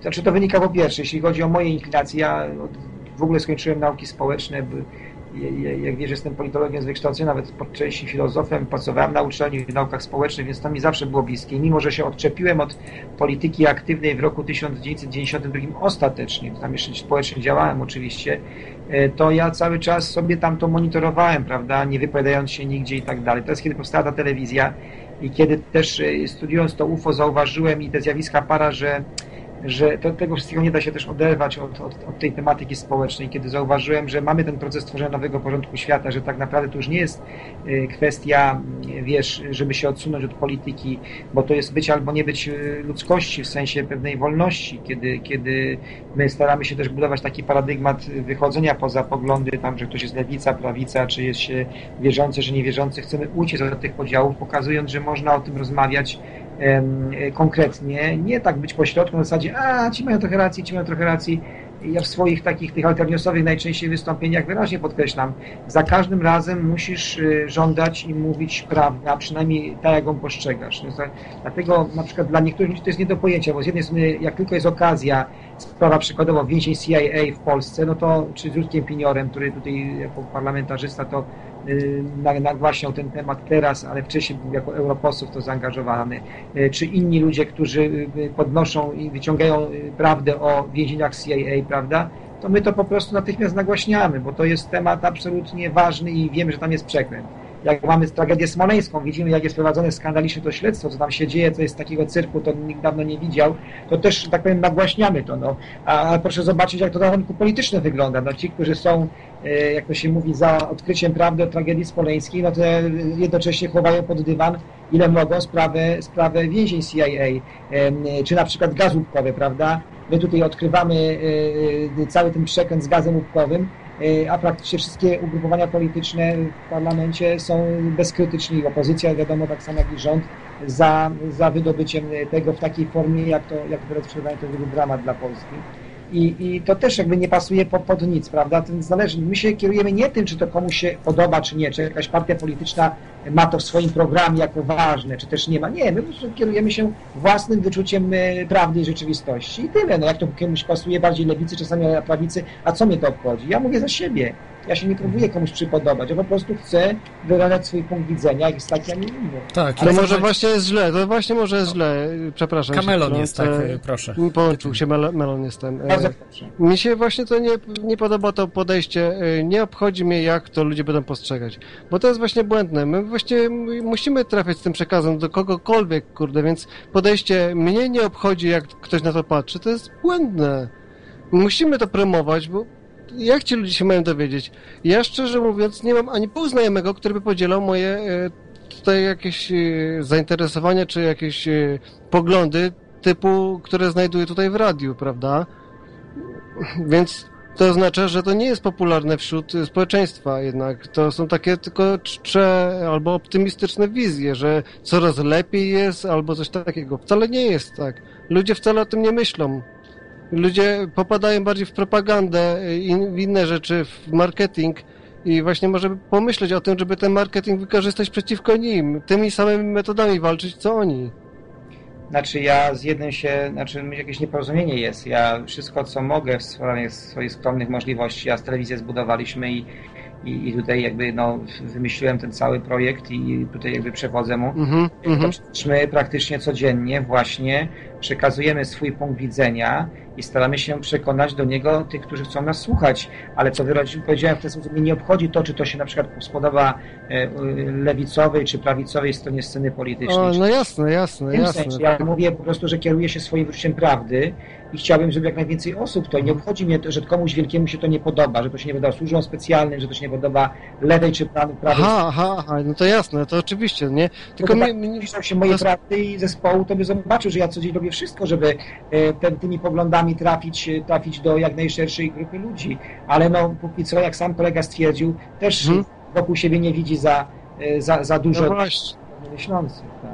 No właśnie, ale to jest, to jest, ja myślę, że to jest pole dosyć otwarte, w którym możemy coś zrobić i to nie jest taka beznadziejność, że możemy to jakoś szerzej wszystko promować, nawet to, całe to radio i tylko trzeba by to jakoś y, hmm, zestopniować jakoś, żeby to jak, jak ludziom się wyleje coś yy, kubeł zimnej wody na głowę, to oni tego nie chwycą jako dowcip albo za coś przyjemnego, no nie? Więc oni będą od tego uciekać. Trzeba im to w jakiś przystępny sposób może podać bardziej no, na tak. początku i tak. popracować bardziej wśród ludzi, którzy są w stanie e, ocenić, jak, jakie są marketingowe e, sposoby. To, to się wszystko opiera na ludzkiej psychice, więc oni wykorzystują mechanizmy gotowe, to są jak prawa, jak grawitacja, to są mechanizmy automatyczne. No ja się z tym nie zgodzę. Mo, można ludziom zaszczepić to, można to ludziom zaszczepić. Nie zgodzę się, kiedyś Tischner powiedział, akurat z tym się absolutnie zgadzam, że wolny człowiek, zniewolony człowiek dopiero poznaje, co to jest wolność, jeżeli spotka wolnego człowieka. I tak samo, no tak samo tutaj nie możesz y, po prostu marketingiem wszystkiego załatwić. Po prostu ci ludzie, którzy będą chcieli spotkać, prawda, tą wolność, spotkać prawdę o świecie, po prostu przyjdą.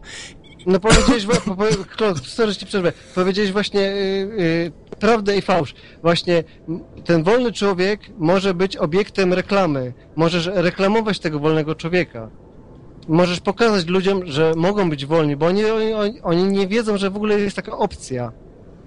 To znaczy często myślą, że są wolni, bo mają na przykład pieniądze, tak? Bo zarabiają 5 czy 6 tysięcy na rękę wiedzą, Oni nic nie wiedzą. Oni myślą, że są im wolni. jest wolność, definicja wolności u nich jest zaszczepiona zupełnie inna i oni jej nie rozumieją. Gdybyś ty im pokazał y, tą wolność, tak jak my tutaj ją rozumiemy, y, to oni ją muszą zobaczyć, oni ich nie widzą. Ja widzę to na, po obserwacji tych ludzi. Oni po prostu nie wiedzą, na czym to polega.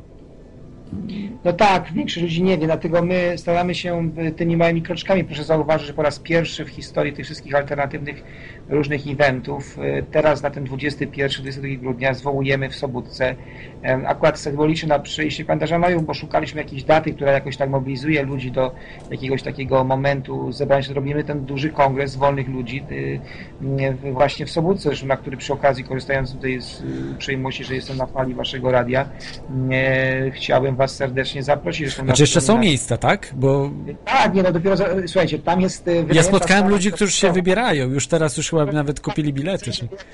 Cala widoskowa jest na tysiąc osób, więc, e, więc e, miejsc jeszcze jest bardzo dużo zgromadzić. Ja przewiduję, że gdzieś tak dopiero do 15 grudnia zaczną się nam wyczerpywać miejsca, bo naprawdę tysiąc to jest bardzo dużo, że się nigdy w Polsce w jednej sali, w takiej konwencji nie spotkało tylu ludzi, więc to pod tym względem, że się policzymy, że zobaczymy, że ogłosimy bardzo ważne tematy związane z programem w ogóle tej nowej cywilizacji, bo my mamy też pozytywny program. To nie o to chodzi, że my tylko się wyżywamy na, na systemie i pokazujemy patologii. My mówimy, słuchajcie, to można zbudować zupełnie inaczej i podajemy całą masę różnych recept, różnych rozwiązań i ten kongres ma być takim przyjęciem pewnego, pewnej wizji, ale nawet więcej, pewnego programu nowej cywilizacji. Tam mają być przedstawione to, co nam się uda ściągnąć, jakieś nowoczesne rozwiązania, jeśli chodzi o, o free energy, tematy nowej ekonomii, prawda, demokracji bezpośredniej, no to wszystko, co zgromadzimy, co gromadzimy od lat, musimy tam zwiedzić. I, I, taka jest idea, także ja Was serdecznie zapraszam. Myśmy to tak, ja to tak za, zaprojektowałem, żeby koszt uczestnictwa w tym kongresie naprawdę nie był duży, to jest 30 zł za dwa dni. Jak popatrzycie na przykład na konferencję o Habitat, czy jakąkolwiek inną taką dwudniową, to nigdy nie kosztuje coś 30 zł, prawda? Tak potężna impreza z taką ilością jeszcze prelegentów, tam, tam, tam będzie naprawdę... No wie pan, no, okej, okay, okej. Okay. Ale wie pan, ja, ja przez to free energy to ja nie śpię po nocach, ale tym ludziom trzeba by coś jeszcze zaproponować innego. Halo? No tak, słyszymy się, ale jak, co innego? Czekaj, e, bo to wszystko, co my tu mówimy, to jest taki hard level, wiesz? To jest takie dla zawodowców już. A ktoś nie jest w stanie się podłączyć do gry, bo nie ma tego e, poziomu easy. Y, czy medium, y, to, to wszystko tutaj już jest takie bardzo hardkorowe, to co my tu mówimy. I ludzie tacy z, z ulicy mają, mają, problem się wstrzelić, a właśnie na tym nam zależy, żeby oni to zrozumieli. Y, najpierw będzie tysiąc osób, potem będzie dziesięć tysięcy i tak dalej, i tak dalej. To jest, to jest ale, ale rozumiecie, że my rozmawiamy na dość hardkorowym poziomie, na dosyć wysokim. Przeciętny człowiek nie zrozumie w ogóle, co, o czym my mówimy. Duża część zrozumie. się ma zebrać tysiąc osób, które są świadome. Nigdy wszyscy nie są na świadomi danego problemu na równym poziomie. Zawsze jest to proces i ktoś musi zacząć. Ktoś musi być odważny, więc przyjmijmy taką rolę, róbmy to. No to róbmy, róbmy jeszcze coś takiego, żeby był ten taki niski poziom, żeby było łatwiej wskoczyć na tor myślenia. Y, ci młodzi szczególnie mają to problem teraz zrozumieć, bo to się wszystko rozwija. Oni, oni nie mają na przykład tego bagażu y, doświadczeń, które my mamy, jakieś tam jeszcze za komuny i tak dalej, różnych takich dziwnych rzeczy. Oni wskakują w coś zupełnie abstrakcyjnego i nie chcą tego przyjąć. Ja próbowałem to wielu młodym ludziom zaszczepić i oni nie wiedzą o, co, o czym jest mowa. Dla nich to jest zbyt abstrakcyjne, o czym my mówimy. Oni po prostu głupieją. No to muszą dorosnąć, bo to nie można się dostosowywać wiecznie do kogoś. Ja na przykład czytam często książki popularno-naukowe. można rozszerzyć wachlarz usług, że tak powiem. Na przykład Michio Kaku, to jest taki mój ulubiony tak. pisarz e, popularno-naukowy. On to opisuje tak skomplikowane rzeczy, multi wszechświaty i tak dalej, ale w dosyć prostych, przystępnych słowach, ale skomplikowane rzeczy od razu, na głęboką wodę. U niego nie ma no, czegoś takiego, że jest wprowadzenie, prawda, że będzie wprowadzał tam do praw Newtona no. i tak dalej. Nie. On od razu już pokazuje na przykład wielowymiarowy wszechświat i omawia o, o co w tym wszystkim chodzi, co to znaczy mało, 11 mało, wymiarów. I, i jest to od razu pokazane. Nie, nie, ma, nie ma pośrednich y, kroków do tego, po prostu się nie da. Czasami Chodzi, trzeba coś mało, powiedzieć. Mało jest takich ludzi, którzy tak potrafią. Ja, ja wiem, o kim mówisz, ja znam, mógłbym sam ci podać kilku takich, ale mało jest takich ludzi, którzy potrafią wiedzę przekazywać w ten sposób. Takich wrodzonych nauczycieli. Mało jest takich ludzi. No ale ja myślę, że, że Janusz Zagórski do nich należy, bo często też zdarza mi się słuchać e, audycji w niezależnej TV i naprawdę jest mnóstwo, mnóstwo takich materiałów bardzo ciekawie przygotowanych. To jest zajebisty, tylko y, temat czasami mógłby być jakiś taki gdzieś z, zapodany wśród młodzież, która by tego słuchała. Y, zawsze by się złowiło coś więcej i temat, żeby był lżejszy jakiś znaczy, łatwiejszy to, no, Tak, no, czasami są lżejsze, czasami nie. A z młodzieżą kolega ma dużo racji, że coś jest dziwnego. Ja mam córkę, która w tej chwili na drugim roku studiów i rówieśników i tak dalej i widzę, mm, no, że, że, jest jakaś przepaść. To znaczy jest trochę młodych ludzi, którzy wchodzą tą ścieżkę alternatywną, to są niezwykle cenni ludzie i to prawdziwe skarby, natomiast takie mam wrażenie rzeczywiście, że tych ludzi jest mało i próbuję zastanawiać się, czy, czy jak ja studiowałem no, tylko ja, ci, którzy są z, tamtych czasów jeszcze, ja w tej chwili 54 lata, więc ja, ja pamiętam, byłem bardzo aktywny, jak były czasy e, komuny, czas do roku 80, do Solidarności, potem wiadomo, są wyjątkowe, zastanawiam się do czasu Solidarności, a potem to wszystko już jakby wyrosła nowa siła społeczna, wszystko się ubudził się naród i natomiast do tego roku te grupy opozycyjne, które mm, działały gdzieś tam w ruchu studenckim, to były bardzo mikre, bardzo małe, to były, to były opozycje, to KOR, KPN, tam jeszcze Robcio, i coś tam jeszcze i to było w ogóle nic. To było ze 100-200 osób w skali Polski, które robiły jakąś opozycję. E, teraz, natomiast, natomiast e, teraz tych ludzi, którzy robią przeciwko systemowi w sensie oczywiście intelektualnym, bo ja mówię przeciwko systemowi nie w sensie przemocy, bo jestem przeciwny przemocy, e, to, to, to są setki tysięcy ludzi, którzy mają podobne poglądy, a jednocześnie niewiele możemy, jak powiem, zmienić. Wtedy też dużo można było się nauczyć tym legalnym ruchu studenckim, ponieważ ja też w nim działałem, i oprócz tego, że potem po roku 81 miałem tam dużą współpracę z opozycją, ale widziałem tak by dwie strony barykady i by powiedział tak, że można było się w tym legalnym ruchu studenckim naprawdę dużo mądrych rzeczy nauczyć, jeśli chodzi o działanie, o pewną sprawność organizacyjną, o zdolność do tego. Natomiast oczywiście on był wypaczony, bo, bo służył systemowi, służył opresji. Zresztą większość tych ludzi, studentów nieświadomie to robiła też w tym pierwszym okresie, nie miała świadomości, jaka to jest skala opresji, bo to było ukrywane. Natomiast, natomiast to doświadczenie, a teraz jest tak, że ten ruch studencki jest bardzo słaby. Już nie ważne, czy tam jest to bardziej lewicujący, czy prawicujący, czy to będzie NZS, czy tam ZSP, bo te organizacje zdaje się dalej zostały, ale to jest po prostu prysz w stosunku do tego, jak życie studenckie toczyło się nawet w latach 80. i to legalne, to ZSP i to ten NZS, kiedy był w podziemiu. To no, przecież, przecież dzisiaj wszystko idzie szybciej. Wszystko idzie szybciej dzisiaj. Przecież się mówi, że, że trzylatek potrafi obsługiwać komputer i tak dalej. Wszystko idzie do przodu. Przecież to oni powinni być w tym momencie tacy do przodu, no nie? I co jest grane? A może, a może zdarzyło się coś takiego, że ta cała aktywność, którą wtedy przyjawialiśmy na spotkaniach, seminariach, wyjazdach, rajdach, że ona się przeniosła do internetu, że gdybyśmy tak przeliczyli ilość godzin, e, to każdy z młodych, czy tam no już nieważne, o młodych mówimy, z tych młodych ludzi spędza w internecie, to by się okazało, że to jest kilka godzin dziennie i to jest to właśnie te kilka godzin dziennie, które kiedyś mógł e, spędzać w jakimś aktywnym e, społecznym wymiarze, działając w jakimś klubie, seminarium, w jakimś, jakimś tam kole naukowym, czy w organizacji studenckiej, czy turystycznej, prawda, czy sportowej, bo to niekoniecznie chodzi o działalność polityczną, więc, więc w tym sensie uważam, y, ta aktywność tego młodego pokolenia została przeniesiona do, do, do internetu, y, a, więc do, siedzimy tutaj, jak to się mówi, no, jak to się na tych krzesłach, na, tych, na tym idee i, i siedzimy te od, od kilka godzin, nawet dziennie wychodzi, tak? No więc tutaj może, tu może jest ten mechanizm, zobaczcie, dlaczego tak mało się, y, nie za dużo się dzieje w tej przestrzeni ruchu mhm. młodzieżowej. Ale dzieje się, jeżeli opresja wzrasta, bo y, dzisiaj jednak jest dużo mniejsza, prawda, też opresja niż y, za czasów komunistycznych. Oczywiście, zewnętrzna tak, zewnętrzna tak, taka w sensie no, politycznej przemocy wobec tak. niemyślących, to w ogóle jest nie była ziemią. I jeżeli na przykład tak jak te aktach były, y, próbował, próbował Donald Tusk wprowadzać, prawda, to mnóstwo młodych ludzi wyszło na ulicę, jednak to były dziesiątki tysięcy ludzi, gdzie no, nie ja walczyło o chleb, tylko o... Może tak, mhm. wiesz, mam ten swój wiek, ale kiedy młodzi ludzie we Wrocławiu, kiedy robili, zadzwonili zresztą do mnie i przyłączyłem się nie tylko, że tam szedłem, ale byłem w czołówce tego pochodu e, i zabierałem głos na wszystkich tych trzech najważniejszych e, manifestacjach akta we Wrocławiu, gdzie pierwsze było tam e, chyba z 8 tysięcy ludzi. Wprawdzie nie chciałem tam się zapychać dużo, ale parę zdań powiedziałem od tego starszego pokolenia i ta młodzież mnie tam w sumie zaakceptowała i widziałem tą potężną siłę, która zbudziła się tylko na, te, na ten miesiąc czasu, bo tyle trwała ta fala Potem wszystko wygasło, no bo się premier wycofał. Pytanie, czy teraz byłoby nas stać na podobną akcję, gdyby chcieli ten numer nam wyciąć. Oni są teraz inteligentniejsi i mogą, robią to w taki sposób typu indekt, od tyłu nam wprowadzają. Mhm. Jeden zastopowaliśmy, wy, wypuścili cztery następne, jak smok. Tak, Skurwysyny. Do, Ale do... uciekliśmy od kosmosu, co?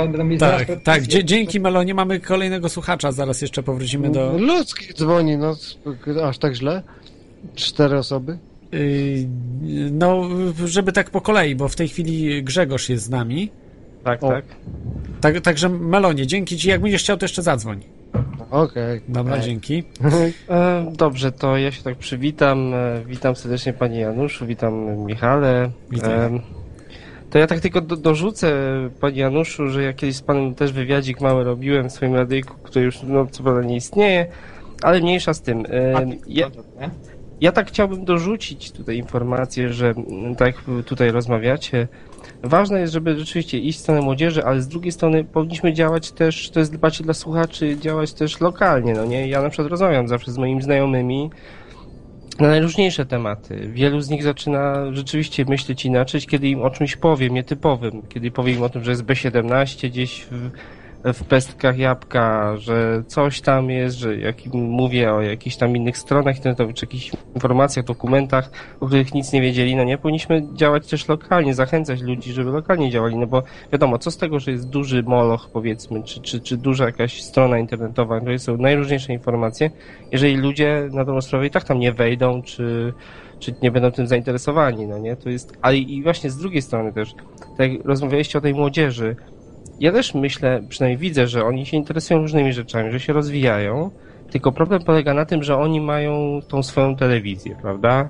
I wielu z tych młodych ludzi, y, no, no, no, ale chodzi o to, że wielu z tych młodych ludzi, na przykład jak ja słuchałem wypowiedzi na przykład prac czy coś, to oni tak, rozwijali się, mieli bardzo dużo informacji, bardzo wiele ciekawych newsów czy takich innych rzeczy, ale na tematy typu kto jest trenerem, powiedzmy, nowym w jakiejś tam drużynie, kto odszedł, kto ile bramek strzelił, albo jakieś inne takie typu, tego typu pierdoły, kto w jakim programie przeszedł eliminację, jak to nie, a nie o takich poważnych rzeczach. No nie, telewizja po prostu spełnia swój, swoje zadanie, daje ludziom to, czy, czym mają się interesować, czyli tymi pierdołami, które kompletnie nie są związane z ich życiem. Też tak, też tak uważam, nie? I ciężko jest mi powiedzieć, co, co z tym zrobić? No myślę, że lokalność jest istotna, nie działanie. Jeżeli nie mamy kolegów, którzy są, którzy się tym interesują, co my, to może spróbujmy po prostu ich lekko zainteresować. To nie muszą, wiadomo, się przekonać od razu do, do naszego e, zdania, ale przynajmniej po części zainteresować ich czymś jakimś ciekawym. Ja na przykład działam też powiedzmy e, na swoją, swoją rodzinę. E, z jednej strony mnie trochę przeklinają przez to, ale z drugiej strony zaczęli trochę inaczej patrzeć na różne dokumenty, które oglądają rzeczy po tym, co ja im mówię na przykład, albo co ja im puszczam i, i jestem z tego zadowolony, więc myślę, że wszyscy powinniśmy tak działać, jeżeli chodzi o słuchaczy, a jeżeli chodzi o resztę, to tu dobrym źródłem są takie jak Panie Januszu, tutaj Pana telewizja dobrym źródłem jest informacji. I ja się tutaj trochę z tym nie zgodzę, że nie idzie w stronę młodzieży, bo rzeczywiście są przed te programy, gdzie, e, tu już nie pamiętam jak się chłopak nazywa, który tego ruchu Zeitgeist opowiada o różnych... Jasie Głuszczki, tak. Tak, o różnych właśnie bardzo... nauce i technologii XXI wiek, świetny. Dokładnie, to bardzo fajne źródło informacji, więc, więc, więc te jednak programy są, tylko pytanie jest, kto jakoś działa, rozsyła, informuje, no nie? Bo to jest ludzie nadal mają taki pogląd, tak jak na przykład z, z tutaj, jak mówiłeś e, dobrze Michale, e, o tym powiedzmy programie psucia się, czyli tego kurde... Plan obsolescence, tak?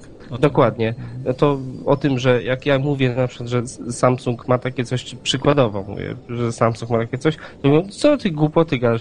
Jak Samsung się psuje, to ja sobie wezmę Sony kupię. Ja sam no byłem świadkiem tego, bo sam miałem czytnik CD, który był zaprojektowany właśnie, że jakiś tam rezystor się psuł, bo to elektronik mi wytłumaczył właśnie. Ja nie, nie wiedziałem, jeszcze nie wiedziałem, że taki termin jest planned obsolescence, bo to się wiele lat później dowiedziałem, ale, ale pokazał mi i y, w każdym, po prostu, bo kilka właśnie takich sztuk było i w każdym ten się psuł. Bardzo tani element, którego nie można było kupić w Polsce, e, mhm. który powodował, że po dwóch latach czy, czy na, po półtora roku się ten napęd psuł. Niesamowita rzecz i, i to, to na pewno jest. Mhm. To na pewno jest i, i tutaj na 100%. No właśnie, ale, ale ludzie nie wierzą. Ludzie, ludzie mówią, że tak, jesteś tak. co, ty pukają się w czoło. No jak to? Ktoś by projektował, żeby się coś wcześniej psuło? Niemożliwe. Ja się tak śmieję z nich, bo na zasadzie trochę, że to jest takie mądre myślenie głupiego człowieka. No bo racja, nie ta firma, to inna. Tylko problem polega na tym, co się kupi. Y, jak jest, dajmy na to, jest warka strong i jest strong, no nie? Bo jest tak napisane y. No to co? Ktoś sobie pomyśli z tych mądrych ludzi powie tak, to ja dzisiaj nie kupię stronga, tylko kupię warkę. Niech się strong wali nie zarobi sobie na mnie. A, na takiej troszeczkę zasadzie ludzie Aha, podchodzą. Ale, ale mo może wróćmy do tematu. Jakieś, jakieś e, pytanie właśnie do niezależnej TV. Czy, czy tylko tak chciałeś? Do niezależnej TV. No ciężko jest mi tutaj niezależnej, pytanie, do, do, do pan Wszystko do, jest do dobrze. Mm, to może jaki plan... Wiecie czego nam brakuje? Nam brakuje kontaktu właśnie z takimi właśnie ludźmi jak wy, którzy mm, mają mnóstwo ciekawych przemyśleń i swojej wiedzy i My, my na prostu zapraszamy do, do udziału w audycjach, przecież jest Skype, tak teraz rozmawiamy i można to, przerzucamy to na audycję. Możemy tutaj też i tutaj z, no, z Radiem na Fali też jakąś, jakąś formę współpracy. Mm -hmm. Różne rzeczy. Musimy przede wszystkim więcej współpracować ze sobą. Tak, bo... tak. A właśnie, Panie Januszu, no właśnie a propos, bo czy są jakieś plany, powiedzmy, rozwojowe w tym kierunku integracji z, ze słuchaczami? No bo tak, to ja wiem, że są nieraz, czasem można zadzwonić podczas audycji, tylko że audycja ma swoje jakieś, e, wiadomo, tak, ramy czasowe. Skończymy szybko. Ja powiem, w czym jest problem, bo to, bo to widać wyraźnie, jak my się zwijamy przed dziesiątą, a spora część internautów tak naprawdę zaczyna wtedy życie. A to wynika z tego, że wynajmując pomieszczenie w centrum miasta, w domu ekonomisty, no były różne za i przeciw. To jest kwestia też dostępu do internetu po dość przyzwoitej cenie. Ja tam mam 80 megabitów mm, e, a, aplaudu się nominalnie fakty, że tam wychodzi może 20, może 30, ale to ma duże znaczenie i to, to jest położone blisko TPSA, teraz Orange TPSA tam na Portniego. I, I, tam ileś takich elementów, też cena, no w sumie na mnie to pomieszczenie kosztuje razem z internetem około 1500 zł miesięcznie, natomiast, natomiast y, y, o 22 portiernia zamyka, alarmy są włączane i nas po prostu tam wypraszają. Y, I po prostu najnormalniej w życiu musimy się zwijać. Także plany jakie są, no chcielibyśmy, to jest wszystko zależy jednak od środków finansowych. Na razie mnie się udaje tak by zbilansować to na zero. To naprawdę jest i tak naprawdę w jakimś sensie Mistrzostwo Świata dużo też jakaś tam jest pomoc. Prawie te płyty nie są duże, ale jednak zawsze jakieś są. I o co mi chodzi, że po prostu gdybyśmy mieli inne pomieszczenie, tak zastanawiam się od nowego roku, gdyby się udało wystartować w pomieszczeniu w innym, w innej firmie, gdzie jest czynne dłużej, to wtedy nam się ten program może wydłużyć do 20, nawet czwartej, tak? I mhm. wtedy można więcej zawrzeć różnych fajnych korespondencji. A tak to niewątpliwie czasami, no ale są, moce wolne przerobowe cały czas są. Ale no rzeczywiście planuję, żeby w przyszłym roku e, rozwinąć skrzydła, jeżeli, jeżeli się da, bo proszę pamiętać, że, że władza, jeżeli będzie chciała utrącić nas wszystkich, tutaj chodzi tylko o mnie, to znajdzie zawsze jakiś, jakiś, jakiś e, jak to się mówi, e, kij na nas. Natomiast ja tak czasami zażartuję sobie w audycji, czy czasami w studio, które też uważam, że jest na podsłuchu, że że słuchajcie, z punktu widzenia władzy to, to, to jest tylko niszczyć nas takie na przykład jak Radio na Fali czy naszą NTV, to właściwie jest zły wybór, dlatego że kiedy ja już stracę możliwości legalnego działania, gdzie tam trzeba wszystko patrzeć, tu faktury, tam przepisy, tutaj wszystko odprowadza człowiek. Podatek y, też od tamtych drobnych płat, bo to wiadomo, y, wszystko musi być ten, to ja po prostu przejdę do podziemia i wtedy się nie będę nikogo pytał o żadne podatki, o darowizny, które mogę pobierać bez, bez, bez żadnego podatku. I, i, i po prostu to będzie czysta konspiracja na wielką skalę z wykorzystaniem dalej internetu pod y, nazwiskiem własnym i dopiero wtedy damy się, damy się jak to się mówi, we znaki po prostu władzy, bo, bo teraz no, człowiek nie jest też jakimś kamikadze, no robimy to, co jest możliwe. Ja mam rodzinę, mam, mam żonę, mam właśnie 20-letnią córkę i normalnie funkcjonuję, natomiast jakby mnie władza przyparła do myru i by mnie pozbawiła tych możliwości, to ja nie będę miał wyboru. Mój wybór będzie uh -huh. w konspiracji takim jak wy Y, robi jeszcze trzy razy większą robotę niż robię dzisiaj. Mhm. Może, może też o to chodzi nawet, że musimy zostać aż tak przyparci, że rzeczywiście zaczniemy się bronić, bo tak zwierzęta, no nie, czują się zagrożone, to wtedy dopiero zaczynają gryźć. Może my też jesteśmy trochę uśpieni, a dopiero ludzie zaczną pod presją no, Ta władza chyba jest dosyć mądra y, w tym sensie politycznym i oni niestety nie zrobią tego kroku, tak mi się przynajmniej Myślę wydaje. To, to... Y, dobrze, dzięki. Oni są dzięki. inteligentni, to by ja, cokolwiek o nich złego mówimy, to ci, którzy są na tych szczytach, oni są inteligentni w jednym, w tak zwanej mechanice władzy, w tak zwanej socjotechnice, w tak zwanym ocenianiu poziomu ryzyka, komu popuścić, komu przykręcić. I, i uważam, że są mistrzami gry w tej kwestii. My jesteśmy wszystko naprawdę jako całe wszystko alternatywne, kompletne cienkie bolki, przepraszam, tak mówię, nawet te spory, jak daje mi się podpuszczać, już te ataki, które się jak wiecie, permanentnie powtarzają personalne, sterowane w mojej ocenie, albo to już jest głębszy problem, jak to się dzieje. Przecież, przecież zabijamy się wzajemnie, oni nie muszą w ogóle specjalnie się przejmować, że my im dokuczymy, bo my się sami powykańczamy. Paru prowokatorów puszczą do nas i wszyscy by się patowali tymi prowokatorami i jeszcze przez pół roku. Kto co napisał, kto co kogo, o kim powiedział, nakłamał i będziemy się jeszcze wzajemnie podjudzać i wiecie, no to po prostu jest proste. Ja się z takimi ludźmi do czynienia, ja myślałem, że to wszystko jest bardziej dojrzałe, ale teraz ostatnio po tych incydentach to powiem Wam szczerze, że straciłem wiele no, takiego szacunku do, do, do, do tego. Znaczy, myślałem, że ludzie są mądrzejsi w naszym środowisku. No ja też miałem dużo przejść. Muszę, muszę powiedzieć, że też miałem dużo przejść. Także dzięki Ci, y, Grzegorzu. Dobrze, ja też nie zabieram już miejsca. Pozdrawiam. Dziękuję bardzo, Grzegorz. Mamy od razu, od razu jest słuchacz z nami y, Ludzki. Witaj, Ludzki. E, witam serdecznie pana Janusza, ciebie też, Klot. Witaj. Mam dwa w sumie pytania do pana Janusza. Mogę powiedzieć z czystym sercem, że jestem fanem telewizji. Wprawdzie ostatnio e, za często nie oglądam, ale miałem taki moment, że oglądałem codziennie. Oczywiście w weekendy nic nie leci, to w tym wypadku nie oglądałem. E, pierwsze pytanie jest, e, czy mógłby się pan Janusz odnieść do sprawy Dariusza Kwietnia w jakikolwiek sposób? Czy jest jakieś oficjalne podejście do tej sprawy, czy nie wiem, czy czy współpraca została zakończona, czy jak to wygląda na dzień dzisiejszy, jeśli by pan Janusz był tak miły i coś w tej sprawie powiedział? Tak, no to jest taki temat, który. Ja powiem tak, no to nie jest łatwy temat. Ja Darka, bardzo cenię i mimo, że jest wiele takich różnych zarzutów co do jego mm, sposobu działania i pewnych socjotechnik, które też były stosowane i ja sam zresztą przeprosił mnie, bo naprodukował różnych takich informacji bardzo wiele po prostu na mój temat całkowicie nieprawdziwych. Jestem, jestem taki trochę zaskoczony i mm, ja tu Darkowi chciałem z Darkiem poznać cztery oczy, ale się nie udało, nie spotkaliśmy się, ale rozmawiamy normalnie przez telefon po tym, co się stało. E, to jest e, w jakimś sensie talent, to jest e, człowiek, który można powiedzieć jest sobą, ma pewne cechy charakteru, co do których wiemy, że nie są, nie są w porządku. Ja sam na własnej skórze się przekonałem i i chcę się Darka zapytać, dlaczego pewne rzeczy tak robił. I mimo, że dalej go szanuję również za tą odwagę, którą ma jak mało kto w pewnych kwestiach. Natomiast zastanawiałem się, czy, czy te, te wytwory właśnie fantazji, mówiąc umownie, były tylko i wyłącznie cechą i są jego charakteru, bo różni ludzie mają cechy. Ja staram się być bardzo tolerancyjny w ogóle i otwarty wobec ludzi, tych, którzy mnie atakują Natomiast czy też to była jakaś taka, nie wiem, jakiś nakaz, czy może jakaś sugestia ze strony służb specjalnych, żeby w zamian za jakieś tam darowanie win, bo Darek się strasznie z, z nimi tam przecież y, wałkuje, przecież on wyciąga takie sprawy, które w naturalny sposób ma, sprawy sądowe, y, musi się z tego jakoś wymigać, więc, więc nie wiem, czy, czy to, co się działo, jeśli chodzi o moją osobę, było efektem jakichś sugestii ze strony służb, że tam mu pomogą, a on tam trochę brzydkich rzeczy na mnie nagada, czy też po prostu Darek ma taką cechę, no nieprzyjemną niewątpliwie, ale to wszystko, co, czy było tak, czy inaczej, to może się kiedyś dowiem, czy to tylko taka cecha, taka maniera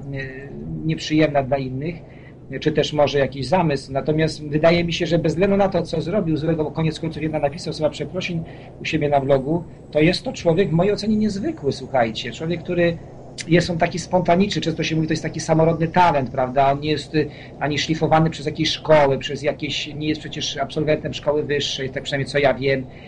W jakim sensie jest takim samorodnym talentem, którym, który działa tak trochę impulsywnie i często według mnie popełnia błędy merytoryczne, czasami w pośpiechu coś źle powie, czasami coś zapamięta źle, mm, y, mnóstwo, czasami może coś zmyśli, nie wiem, wiem, że takie zarzuty są i, i sam nawet ostatnio się przyznał, że pewne rzeczy czasami wymyśla i sprawdza, czy ludzie są durniami, no to też oczywiście nieładnie.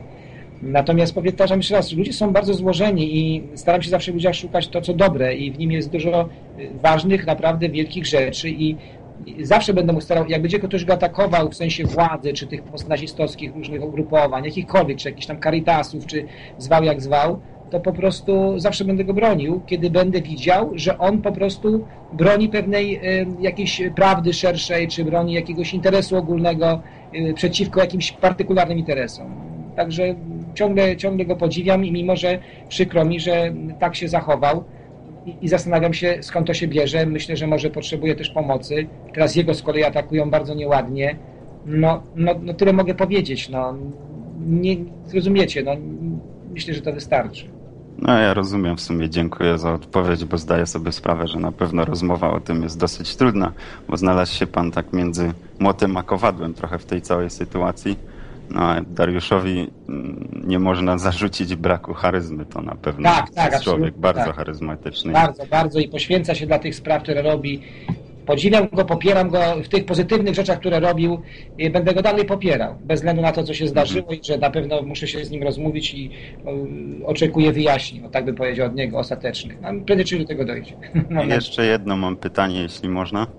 E, chciałbym się dowiedzieć, czy będzie jakaś szersza współpraca z tym nowym państwem no, no i Deutschland, które się wytworzyło w Niemczech.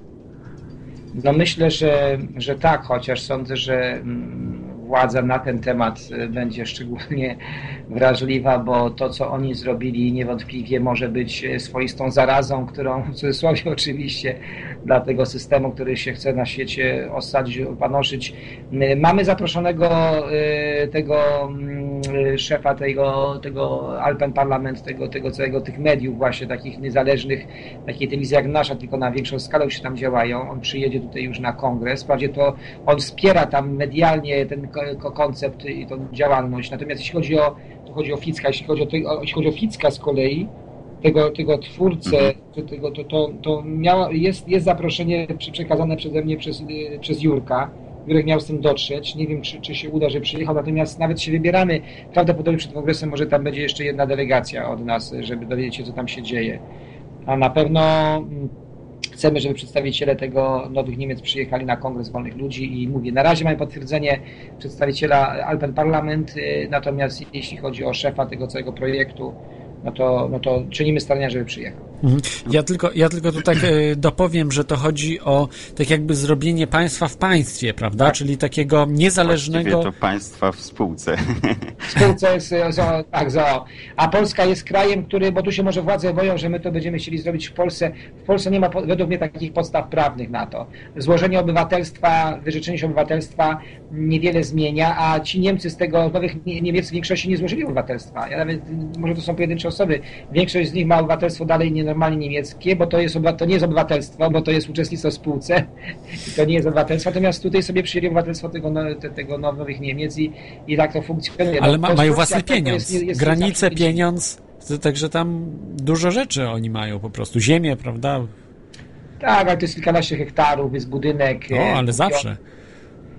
Od czegoś trzeba zacząć. No, jak była rozmowa z taką panią, nie wiem czy tam padło jej na imię, bo nazwisko w żaden sposób nie mogło paść, jak ona nam udzieliła tej szerokiej wypowiedzi pokazującej głębiej te wszystkie mechanizmy i tą całą spółkę z OO, y, z kapitałem tam ile 50 tysięcy marek, prawda, y, to potem ta pani zamilkła.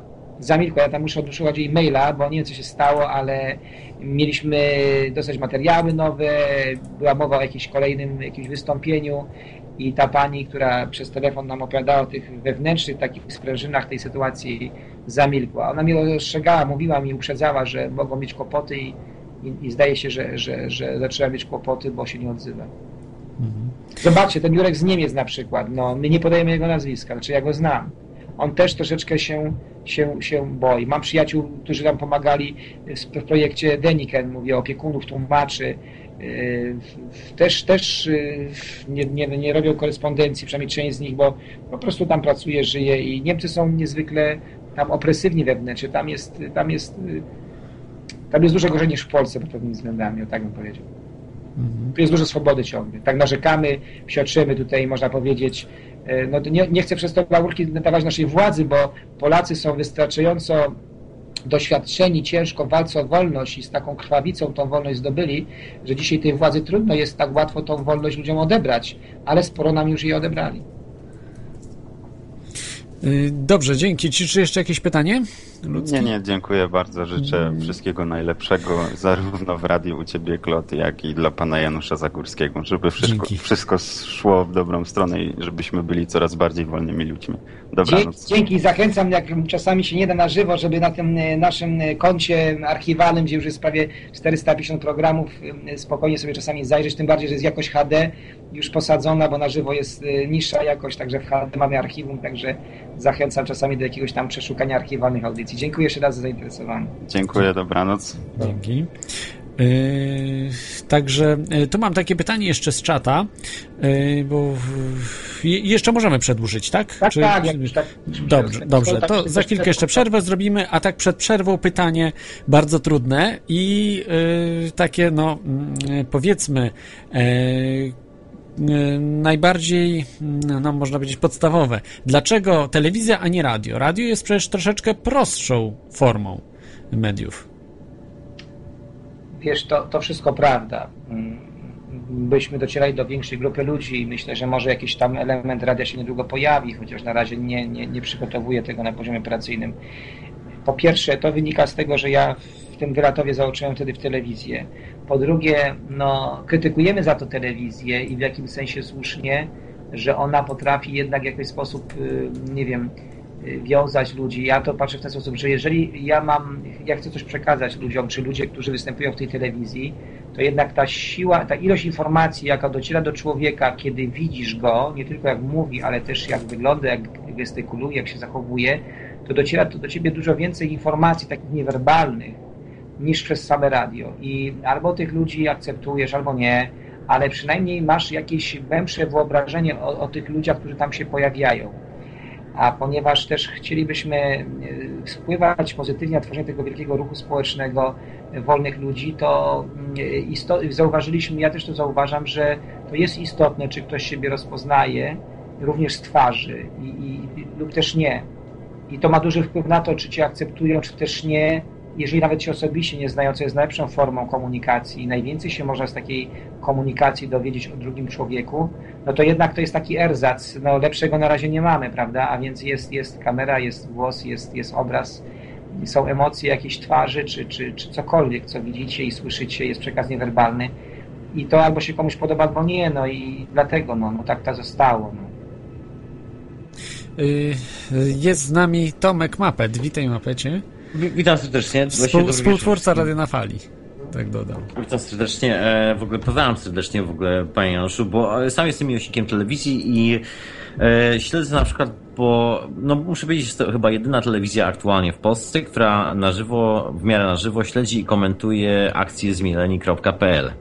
W żadnym innym miejscu o tej akcji aktualnie nie ma żadnej informacji, jeżeli chodzi o polskie media. Poza oczywiście telewizją niezależną, no i naszym radiem w sumie to się cieszę, że tak działamy. Tak, także ja tu, ja, ja po prostu przyznam się szczerze, ja to promuję u siebie w audycjach, także wy, wysyłam linka, wrzucam e, na Facebooku, także sami, że tak powiem, wykorzystujemy. Byśmy, my też chęcią, ja bym z chęcią wzbogacił naszą linkowi na dole właśnie o, o wasze różne media. Jeżeli na przykład nie ma kolegi tam u nas na tej, na, tej no, na dole tej banerowni, to proszę przysłać mailem do mnie tylko to hasło, przypomnienie, wymieńmy się banerami na przykład i my też wstawimy baner tej czy innej strony internetowej. Naprawdę jestem tu absolutnie otwarty. Po prostu wzajemna wymiana, nie ma problemu do banerowni. Tam naszej miejsca naprawdę nie brakuje. To, to na pewno. Też poza anteną pozałatwiam wszystkie takie organizacyjne sprawy, to już e, nie będziemy słuchaczy zamęczyć. Ja mam po prostu takie pytanie a propos w ogóle, bo słuchacze mnie uprzedzili w ogóle z pytaniem, e, jak śmiałem z tą niemiecką opcją, bo to brzmi rewelacyjnie. to przypomina troszeczkę, no czy w Europie jest to być może coś nowego, ale są takie wariackie pomysły na przykład w Ameryce Południowej, jest kilka takich wariackich pomysłów e, w Brazylii, ludzie na przykład uciekają do dżungli, e, poważnie. I próbują budować jakieś takie komuny, no ale to trochę inna sprawa. Nie jest to do, do końca tak samo. Ja w ogóle mam takie śmiałe pytanie, czy, e, czy z tego powodu, na przykład e, telewizja NTV zaczyna myśleć o własnej walucie, bo to już powoli. Fajnie to zabrzmiało. No, ja powiem może w ten sposób. Jeśli chodzi o tą lokalną jakąś społeczność, którą można by tworzyć, Wiadomo, że takich warunków prawnych, jak mają Niemcy, nie mamy, bo Niemcy w tym sensie wiemy, że nie mają państwa w dosłownym znaczeniu. Mhm. Natomiast my moglibyśmy, i to się stanie prędzej czy później, bo mamy dwie drogi jakby zmiany. Z jednej strony taka próba zmiany od góry, która jest najtrudniejsza, a z drugiej strony na przykład proszę sobie wyobrazić jakąś sytuację, gdzie jest mała gmina, jakaś atrakcyjna, gdzie się osiedla powiedzmy coraz więcej ludzi o podobnych poglądach, o podobnej jakby takiej wrażliwości zaczynają tam budować swoje właśnie, dzierżawić ziemię, czy budować e, domy takie swoje własne, ekologiczne, free energy i tak dalej. I w którymś momencie e, decydują się na tym, że na poziomie, nie wiem, gminy przykładowo, sięgnąć po, wystawić swoich kandydatów do, do, do wyborów municypalnych i, i wygrać te wybory i zaproponować całkowicie nowy, osobliwy, oczywiście w ramach tego systemu on daje niewiele możliwości do tego, żebyś te środki, mhm.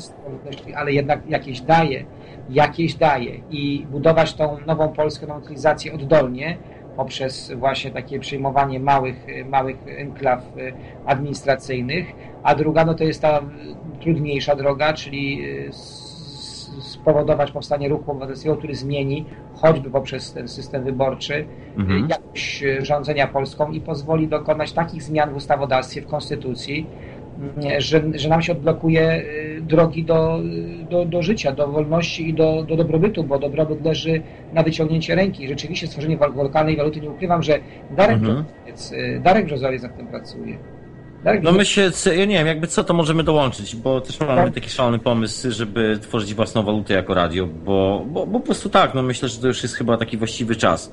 Już korzystamy z niezależnych. W Banku Czasów zacznijmy, to jest, na zachodzie funkcjonują. Bank Czasów jest pewną też formą istnienia takiej lokalnej waluty, bo, to, bo ta jednostka czasu, godzina pracy jest w sumie pewną, pewną formą rozliczenia, prawda, takiego banku. Jest, jest. Mhm. Jestem absolutnie za, każda taka inicjatywa, dzwońmy się wiesz, po, po, się po audycji, to już raczej jutro, czy może, może w poniedziałek, wtorek i rozmawiajmy o tym, absolutnie poprzemy każdą taką, sami się może włączymy, jak się da. No to nie my, my jesteśmy da. chyba raczej trochę mniejsi, więc my ale, się wolimy dołączyć. Ale za to mamy świetne pomysły. Um, dobra, dobra, no, jak to zrobić? Mam ostatnie pytanie. Mam ostatnie pytanie a propos, bo to telewizja i e, jest e, może takie troszkę egoistyczne pytanie, bo mi czasami brakuje, e, bo ja też generalnie jako radio, tak jak, tak jak Michał jest w sumie, teraz jest w Polsce, normalnie jest w Irlandii, ja jestem, jestem w Anglii i, i to, co obserwuję w, w, w telewizji takiej niezależnej, w ogóle angielskojęzycznej, czyli nie wiem, w tym, co się dzieje przy projekcie Camelot, tego typu rzeczach, tam jest, e, du, dużo ludzi bierze, właśnie tak maludziście na, tej, na, na tą młodzież, ale właśnie dużo, dużo tej młodzieży bierze kamery na przykład chodzi i kręci, nie wiem, na tych kamerach kamienne kręgi, próbuje robić swoje własne prelekcje, jakby robi swoje własne dochodzenie takie, tak. dokładnie. Nie, nie zawsze jest to celne. Ja oczywiście nie mówię, że to wszystko jest fantastyczne, czasami jest to, jest to po prostu potworne klisze, jakaś zlepka kompletnie bezsensownych rzeczy, czasami, ale, ale to też nie ma na to reguły, to też jest coś, co jest, e, to jest proces i to jest moment tego procesu. Być może na początku wygląda trochę chaotycznie, ale później on nabierze, nie wiem, myślę, po prostu trochę, e, trochę rozpędu. Jeśli tak zastanawiam, czy na przykład, nie wiem, nie, e, z, z, nie macie jakiegoś takiego pomysłu, żeby, nie wiem, wziąć kamerę, wygonić troszeczkę jakichś ludzi do, do, do lasu, w ogóle niech nakręcą trochę tego. Jakieś reportaże e, z tak. terenu. Znaczy ja powiem w ten sposób, że w gruncie rzeczy to wszystko powstaje w bardzo skromnym gronie mhm. cała, ta, cała ta produkcja i my, my jakby z urzędu nawołujemy, słuchajcie, cokolwiek ciekawego zrobicie y, w terenie, gdziekolwiek, to natychmiast, że to ma ręce i nogi, y, emitujemy to u nas z wszystkimi napisami, jak to, to, to kamera, jak to montaż, tamto czy tamto. Y, jesteśmy do dyspozycji, żeby wyemitować każdy materiał własny. Jeżeli jest jakoś tam ciekawy i zmieści się w tym naszym nurcie, to to jakby nie, to nie jest my sami już nie wydalamy, prawda? Mm, rozumiem. No to, to samo. No, proszę zobaczyć, że ja prowadząc, teraz już Paweł, teraz znowu mam mniej czasu, on mnie trochę odciążał. dla mnie to jest w ogóle za dużo tego, że ja muszę prowadzić większość tych audycji i pilnować, bo ja miałem dużo różnych rzeczy, które mogłem zrobić na poziomie strategicznym dla tej telewizji, poszukać na przykład może jakichś bardziej e, istotnych pieniążków, pomyśleć większym Ja podejrzewam, że mamy, te, że mamy ten sam, e, ten, te, tak, jesteśmy w tej samej książce, e, na tej samej stronie, pod tym względem. A, tak, no tak samo. Się, to się rozumie. tak się tylko zapytałem, czy przypadkiem, czy przypadkiem nie ma takiej ambicji, bo to jakby, jak jest już pomysł na początku, to, to ja jestem powoli zadowolony, bo jak jest pomysł, to wiadomo, że coś z tego może wyjdzie. Może nie zawsze, nie od razu, bo to, e, bo to czasami po prostu trochę energii, czasu i potrzeba, ale generalnie wszystko zaczyna się od pomysłu, potem to już kwestia determinacji, no i to wiadomo jak jest. Mhm. Ale no coś się z tego dziekluło. Ja jeśli chodzi o tą całą tematykę tego, tego wolnego, tego, tej nowej, nowej waluty, to na pewno będziemy ostro o tym mówić na kongresie i kongres będzie takim miejscem, z którego mam nadzieję wykluje się jakaś bardzo praktyczna inicjatywa, bo tu potrzeba tej masy krytycznej, tu potrzeba tego poczucia, słuchajcie, nie jestem jeden, dwa, czy trzy osoby, tylko spotkaliśmy się w kilkaset osób, wiesz, i, i po prostu dziesięciu z nich naprawdę czuje problem takiego, takiej właśnie lokalnej waluty, niech to będzie bank czasu i zaczynamy to kręcić, bo bo to, bo to sami wiecie, żeby do czegoś doszło do końca, to ludzie się muszą jeszcze spotkać, to musi zaiskrzyć. Wszystkie nasze skype'owe, telefoniczne rozmowy, maile to jest taki wstęp, tak? To, przepraszam, gra wstępna, natomiast wszystko rozgrywa się dopiero wtedy dalej, kiedy ludzie się spotkają, dotkną się dosłownie, prawda? I z tego dopiero się może wykluć dalsza forma działania. Dlatego ten kongres jest taki ważny, bo to już będzie też nie tak harmonia kosmosu na zlocie, że jesteśmy na polanie, tam to wszystko się też tak y, bardzo lokalnie rozchodzi. To będzie olbrzymia kondensacja, bo to jednak jest, wprawdzie są korytarze, jest duża sala, ale no jednak to jest potężna dawka takiego poczucia, że słuchajcie, to jest siła, to jest realna moc, która jest w nas, bo jesteśmy razem i 5-7 osób z tego y, grona y, może stać się twoimi sojusznikami w projekcie, który zaczniesz robić dalej już o, o etap wyżej.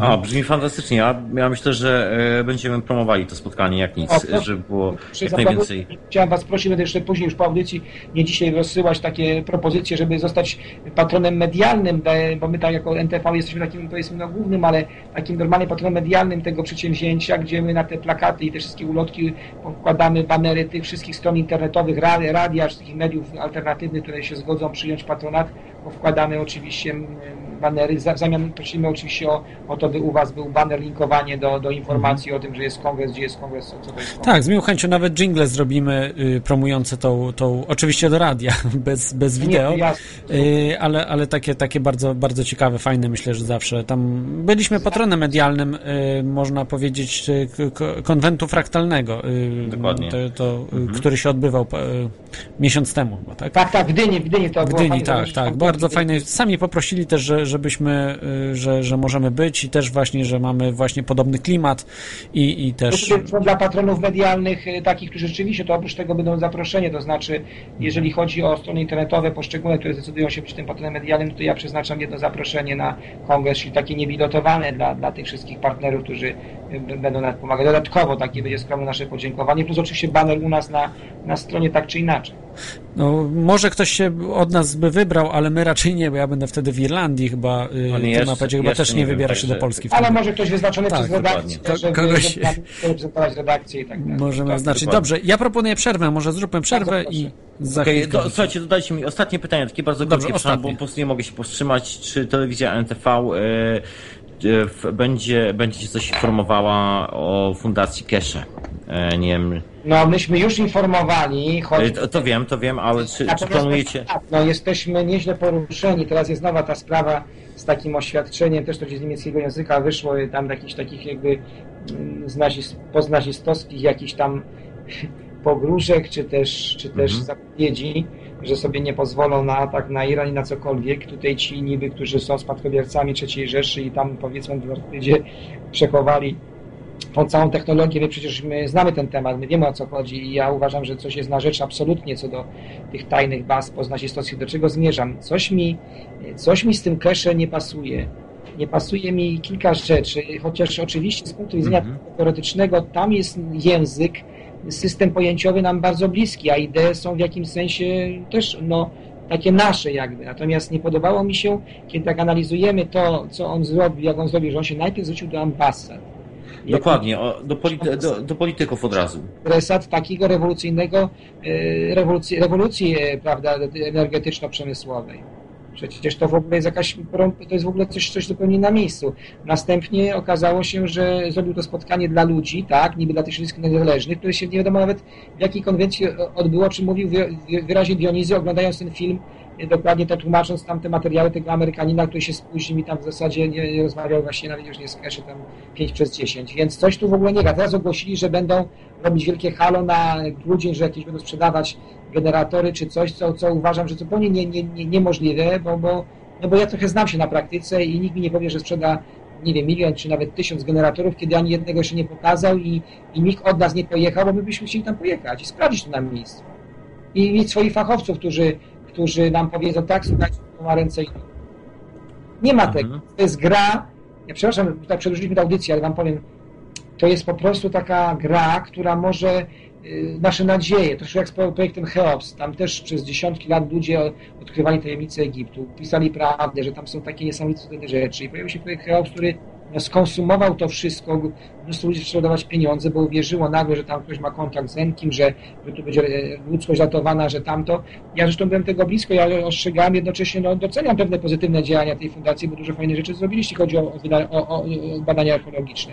To, nie, to, nie, to tego nie zarzucam. No, no zaistnieli nawet w Egipcie, że było zabawnie, gdzieś nawet czytałem w angielskojęzycznych pracach, że, że pojawili się po prostu normalnie, zaistnieli jako ludzie badający coś tam tak, w Egipcie. to jest to pozytywne, natomiast to, pozytywnie. dużo zostało zrobionych nie tak jak trzeba, było tam dużo konfabulacji po stronie tych wszystkich przekazów, ale do czego zmierzam? Wytworzy, wytworzyła się środowiska potrzeba że ktoś przyjdzie i powie, słuchajcie, my jedziemy do Egiptu i otworzymy wam Cheopsa, prawda, i labirynt i nagle ludzie uwierzyli, tak, to jest ten moment. Tak samo jest teraz. My, ja się sam zajmowałem 4 lat tą Free Energy i, i robiłem te konferencje niekonwencjonalne na laski i, i tyle różnych rzeczy i wiem, jakie jest napięcie, jaka jest potrzeba, żeby wreszcie cholera ktoś położył ten silnik, to urządzenie, to wreszcie zadziała, prawda? I nagle się pojawia Fundacja Kesze, którym mamy to wszystko, pracowaliśmy, y, ambasady... Y, no, i, no i płyn jest tajemnicą i nikt nie wie, co to jest za płyn, który powoduje to, że warstwę, która zamienia się w diament. No dobrze, tylko do tego... Warstwę. Mhm. Mnie, mnie się to od tej strony nie podoba i mam y, poważne zastrzeżenia, czy to na pewno jest czysta gra. Natomiast wydaje się, że coś za tym jest, bo to, co mówimy, y, zresztą nie tylko ja, że, że jak to się stało, że Iran przechwycił te, tego, predat, tego predatora, tak? Mhm. Drona, przepraszam, drona. Drona, drona. Drona. Mhm. To jak on przeciw tego drona? Przecież dron jest nie do przechwycenia przy tej technologii, jaką ma normalnie, tradycyjnie Iran, prawda? Przecież on ulega samozniszczeniu, jeżeli tam by ktoś majstrował. Oni to po prostu przechwycili, jest to jest jakaś wyższa szkoła jazdy, cholera wie. Może rzeczywiście tam na tym poziomie kesze, powiedzmy tam, oni coś od niego wzięli. Może być tak, no. że rzeczywiście doszedł do różnych rzeczy, ale jest pod wpływem teraz powiedzmy władz irańskich, wywiadu, jestem pewny, że jest powiązany w tej sytuacji już chyba z wywiadem irańskim, albo nie wiadomo jeszcze jakim i po prostu już jest ściema, no, że zwykle no. stanu. Przy, przyznam szczerze, że właśnie dzisiaj oglądałem ostatni, taki najświeższy wywiad właśnie z, e, właśnie z nim na temat, e, na temat, i było pytanie na temat właśnie dlaczego politycy, dlaczego poszło w tym kierunku i chodzi o tłumaczy to kwestiami patentowymi, że, że chcą mieć po prostu patenty, żeby te patenty były zarejestrowane wszędzie legalnie, że w momencie, kiedy opublikują te, tą technologię, żeby nikt nie mógł e, zablokować tej technologii, żeby po prostu nie dało się już, się już zablokować i dali szansę rządom, żeby...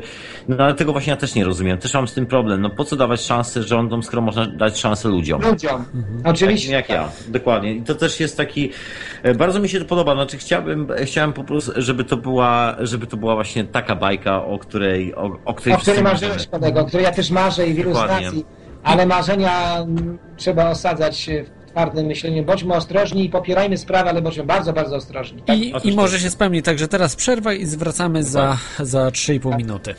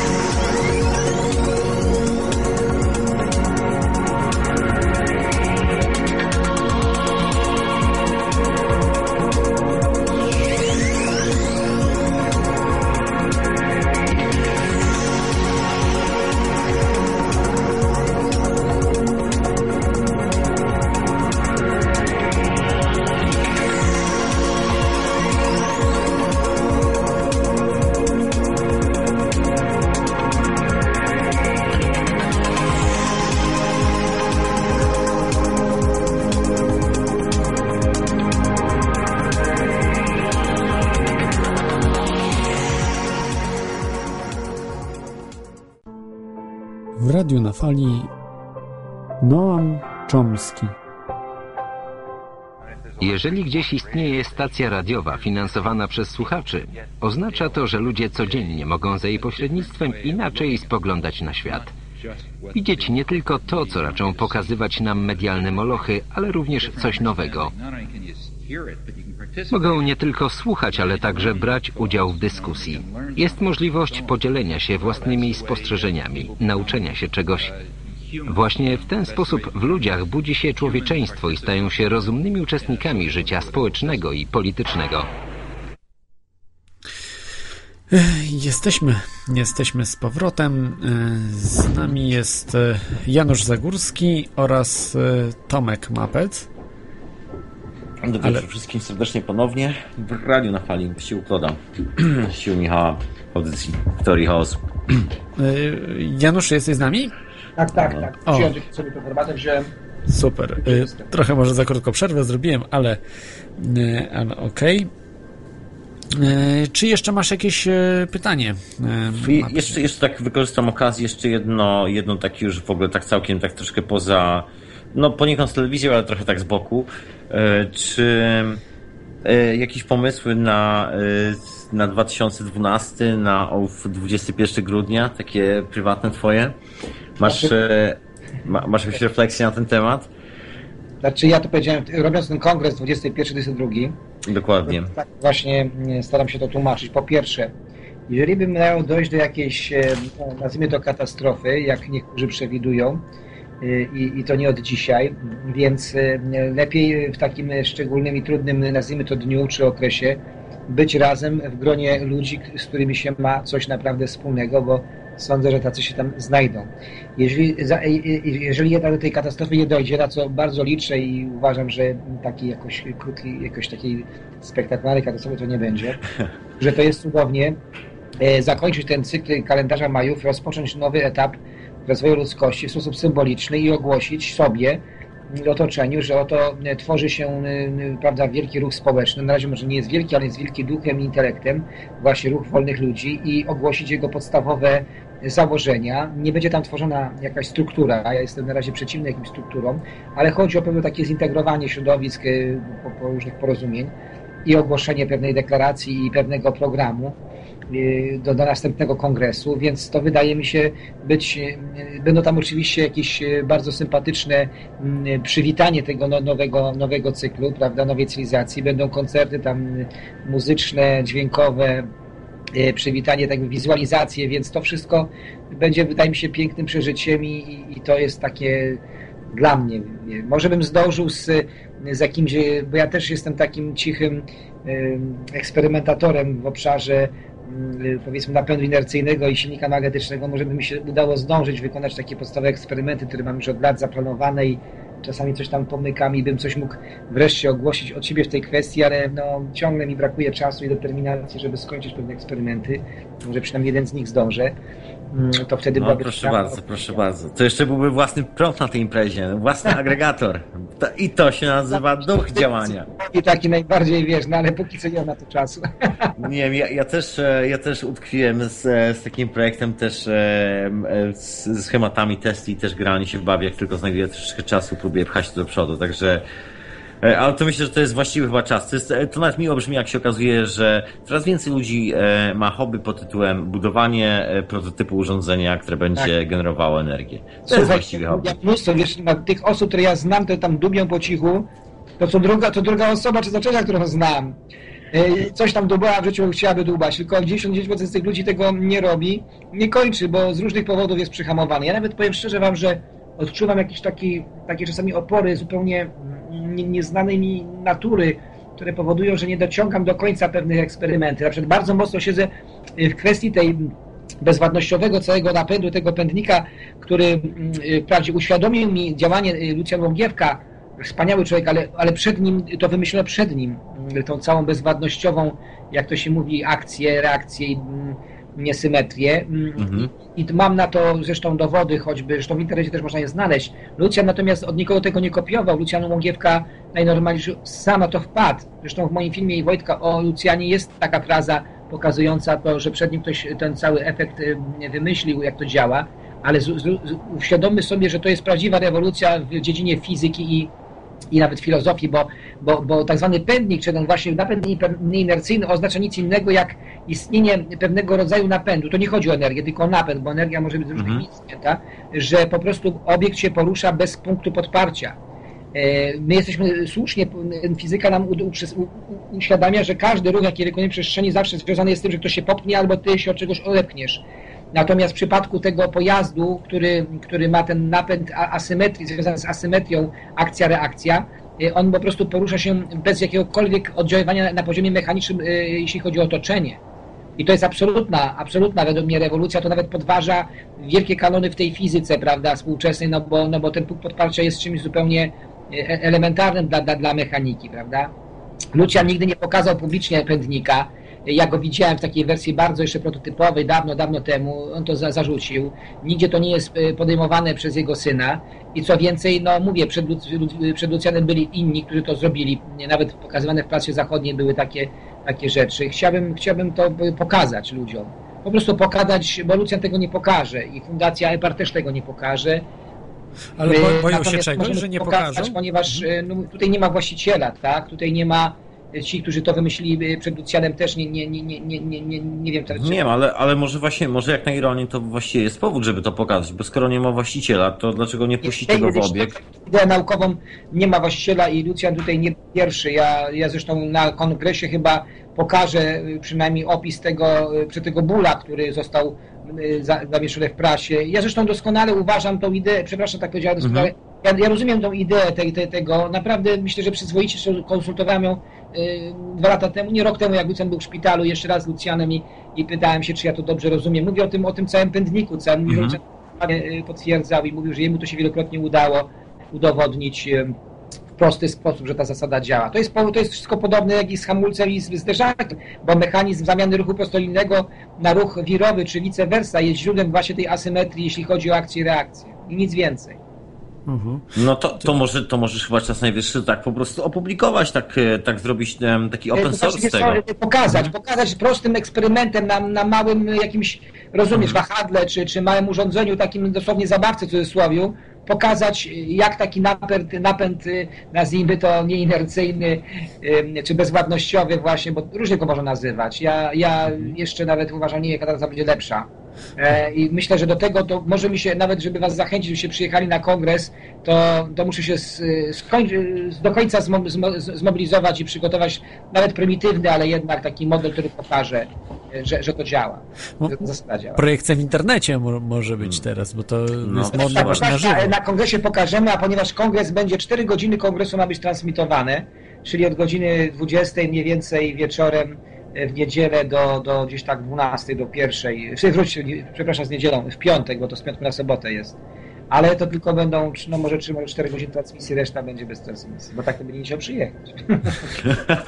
Zachęcające. Dobrze, dzięki. O, dzięki ci. Dziękuję bardzo za wszystkie możliwe odpowiedzi. I do usłyszenia, mam nadzieję, tak poza anteną. Tak, tak Jasne, jak najbardziej musimy dopilnować mhm. tej swojej współpracy kwestii. Absolutnie. Na mojego Jeszcze... Dziękuję. Mhm, także pozdrawiam, pozdrawiam wszystkich Was słuchaczy, e, pozdrawiam Cię Michał i e, życzę, życzę miłego słuchania i pozostaję na odsłuchu. Y Trzymajcie się. Trzymaj się, trzymaj się. E, ja bym powrócił, jeżeli można, Januszu, jeszcze do tej sprawy z Lucjanem Łągiewką, bo to jest naprawdę niesamowita rzecz. On był przez tyle lat praktycznie y, za, za Lucjanem Łągiewką ty stałeś, w sensie takim, że y, chroniłeś go medialnie, byłeś takim, można powiedzieć, rzecznikiem, y, nie wiem, może za duże słowo, ale, ale takim rzecznikiem Lucjana Łągiewki i on był opluwany, naprawdę, tak. wszędzie, w internecie, przez, szczególnie naukowców, to po prostu to był traktowany gorzej niż ufolog. Tak, tak. tak gorzej. Tak, to było coś potwornego i później o, niedawno, parę lat temu dosłownie, zaczął zdobywać nagrody.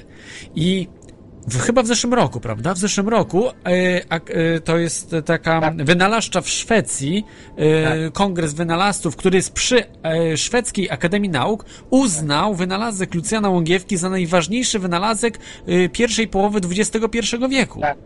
Tak, I, i nie, nie, ma, nie ma, nic się nie dzieje w Polsce. Ten świat nauki jakby nic spłynęło po nim to wszystko. To jest Coś niesamowitego, przecież to powinny trąbić wszystkie media o tym, a tam tylko jakieś znaczy, też Trochę zmiany. było, Michał, trochę było. Troszkę tak, ale...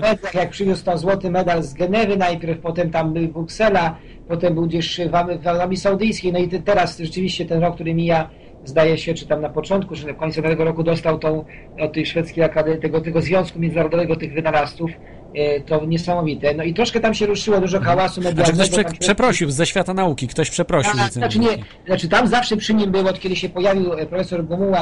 No tak, to, tak, to jeden, jeden z niewielu który stał za tak, to on się, on, to, to, on jedyny, który tak głęboko uwierzył w wielkość tych odkryć poza y, takimi wiesz, ludźmi jak, jak którzy nie są naukowcami, tym bardziej fizykami, Natomiast, natomiast ja miałem swoją intuicję i powiem Ci szczerze, że jestem szczęśliwy, że, mm, że tak się przynajmniej udało na dzisiaj, że on uzyskał takie, no, taki rozgłos i, i mogę powiedzieć, nie myliłem się, cieszę się bardzo, że się nie myliłem. Teraz ja już jestem e, niepotrzebny im, bo nawet powiem Wam, że teraz zarządza tymi sprawami jego syn e, i co tak odczułem, powiem Wam uczciwie, to taki mechanizm zresztą zawsze uważam, że pomagasz komuś, to pamiętaj, rób to bezinteresownie, żebyś później nie czuł się rozczarowany i nie czuję rozczarowania y, w tym sensie, że teraz ja osobiście, czy nasze środowisko jesteśmy niepotrzebni, a nawet trochę jesteśmy taką zawadą, dlatego ja tam byłem w tej fundacji w Radzie, ale tam y, przestałem, nie, nie pisali już do mnie więcej, ja tam też nie, nie miałem czasu jeździć.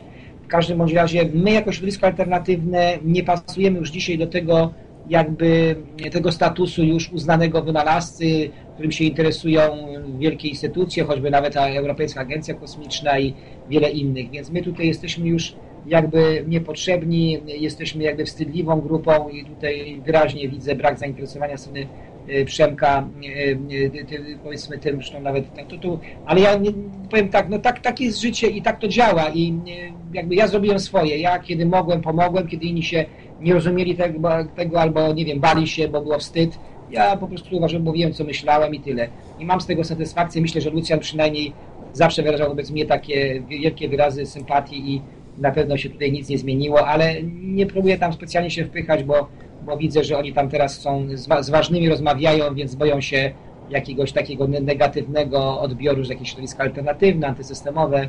Boją się, że to zaszkodzi. Ja to tak czytam. Nikt mi tego wprost nie powiedział, ale, ale tak między wierszami to, to że tak powiem, odczytałem.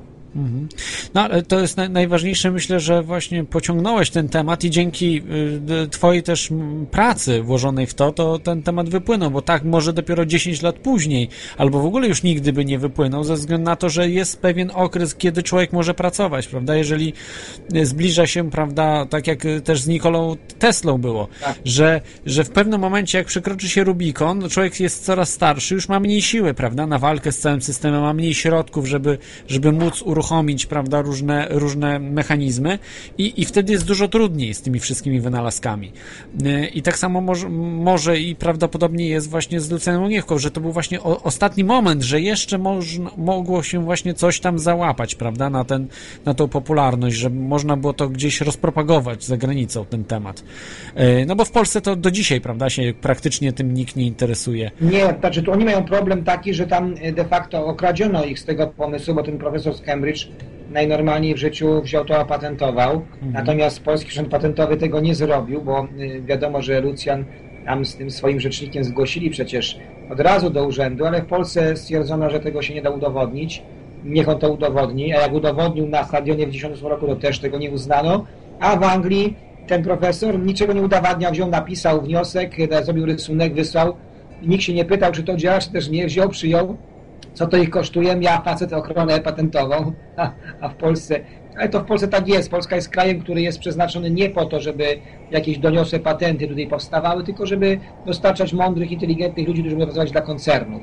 I to jest, ja to słyszałem od, y, z kilku dosyć, dosyć poważnych osób na przestrzeni ostatnich kilkunastu lat, które mają dostęp do mainstreamu, którzy powiedzieli, taki jest podział, Polska jest traktowana na zasadzie po prostu ludzi do roboty, a nie ludzi, którzy tu będą prowadzać jakieś poważne technologie. My możemy mieć zdolnych inżynierów, konstruktorów, wynalazców, e, którzy będą pracować dla koncernów, ale sami e, absolutnie nie, nie, nie mamy prawa tutaj się szerogęsić w tych kwestiach. Mhm. Yy, mamy nowego słuchacza, kolejnego słuchacza jest Maciek z nami. przepraszam, Marek z nami. Dobry wieczór. Witam Cię, Klod, witam Pana Janusza. Witaj. Witam. Ja dzwonię jako właśnie ten młodszy przedsta przedstawiciel młodszego pokolenia, o którym Panowie wcześniej wspominali.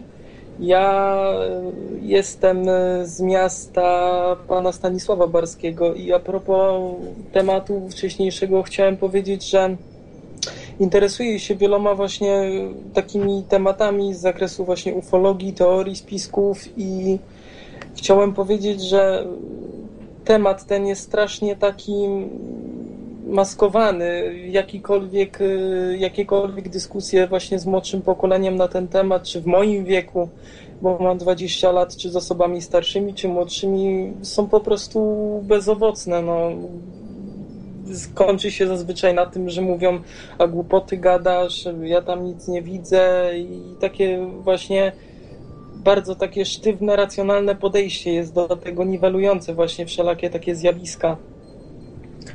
I chciałem też powiedzieć a propos właśnie tego, że jest takie taka stagnacja właśnie w tym kierunku, że młodzi ludzie, oczywiście są takie grupy Takie młodych wyjątki. ludzi. Tak, właśnie, grupy młodych ludzi, które siedzą w tym temacie i są też takie, które po prostu, no, ich myślenie się zatrzymało w pewnym momencie na po prostu sprawach błahych i prostych, płytkich bardzo. Y, A jakieś pytanie, czy y, to tak? Ale Nie, nie, nie, nie, właśnie, a propos, bo ja tu chciałem poruszyć temat przez panów przemilczany, nie wiem dlaczego, nie wiem, może jeszcze do tego nie doszliście, ale mianowicie sprawa, y, przepraszam, że tak w ogóle zmienię temat brutalnie, ale sprawa zdjęć ze Smoleńska, najnowszych. Nie wiem, Klot, czy widziałeś, pan Y, Janusz się część. wypowiadał w Alternewsie na ten temat i większość osób na jakichkolwiek forach, które właśnie tam były, mówią, e, mówią właśnie, że ludzie patrzą na te zdjęcia z takiego powodu zezwierzęcenia, takiej ludzkiej ciekawości, bez sensu. Ja właśnie chciałem powiedzieć y, z takiego... No to chyba w mainstreamie mówią takie rzeczy. Nie, nie, nie, właśnie przeglądałem fora i na forach tak mówią. A bo oni słuchają mainstreamowych mediów i oni są y, tak zwanymi repeaters, czyli oni powtarzaczami, oni powtarzają to po mediach, to gdzie usłyszeli. Dokładnie, dokładnie, dokładnie, ale też chciałem się odnieść do takiego spojrzenia takiego innego. Mianowicie, widziałem zdjęcia, no prawda, no masakryczne, no straszne zdjęcia, i ale znam troszeczkę te sprawy. Miałem kolegę w zakładzie pogrzebowym, oczywiście tego tematu nie ruszę, ale patrz, Claude. Yy, prezydent, powiem brutalnie, no, prezydent miał pourywane nogi, tak? A wiesz, jakie obciążenie wytrzymuje ludzka kościudowa? Wiesz, jaką siłę trzeba mieć, żeby rozerwać taką nogę? 50G. Yy, nie, słuchaj, to jest, to wymaga obciążenia 5,5 tony, żeby rozerwać taką nogę. Aha, obciążenie w, w takich wymiarach. Wyobraź sobie, co tam musiało zajść. Nie wiem, to trzeba by było specjalisty. Ja się z takich tematach nie wypowiadam, bo Nie, ale po prostu Nie. chodzi o to, że spójrz, Komisja Millera i Komisja Badania Wypadków Lotniczych powiedzieli, powiedziały zupełnie co innego. Yy, Właśnie pan Janusz Zagórski wrzucił kon, konferencję pana doktora jakiegoś, który przyleciał z Ameryki. Sam niestety nie Nowaczyka, pamiętam. tak, tak, Nowaczyka, tak. tak. I właśnie tam pan mówi, wspominał o sygnale TAW z 38, przy którym według komisji Millera samolot po urwaniu skrzydła miał zrobić beczka na odległości 160 czy 140 metrów. No to jest po prostu kabaret.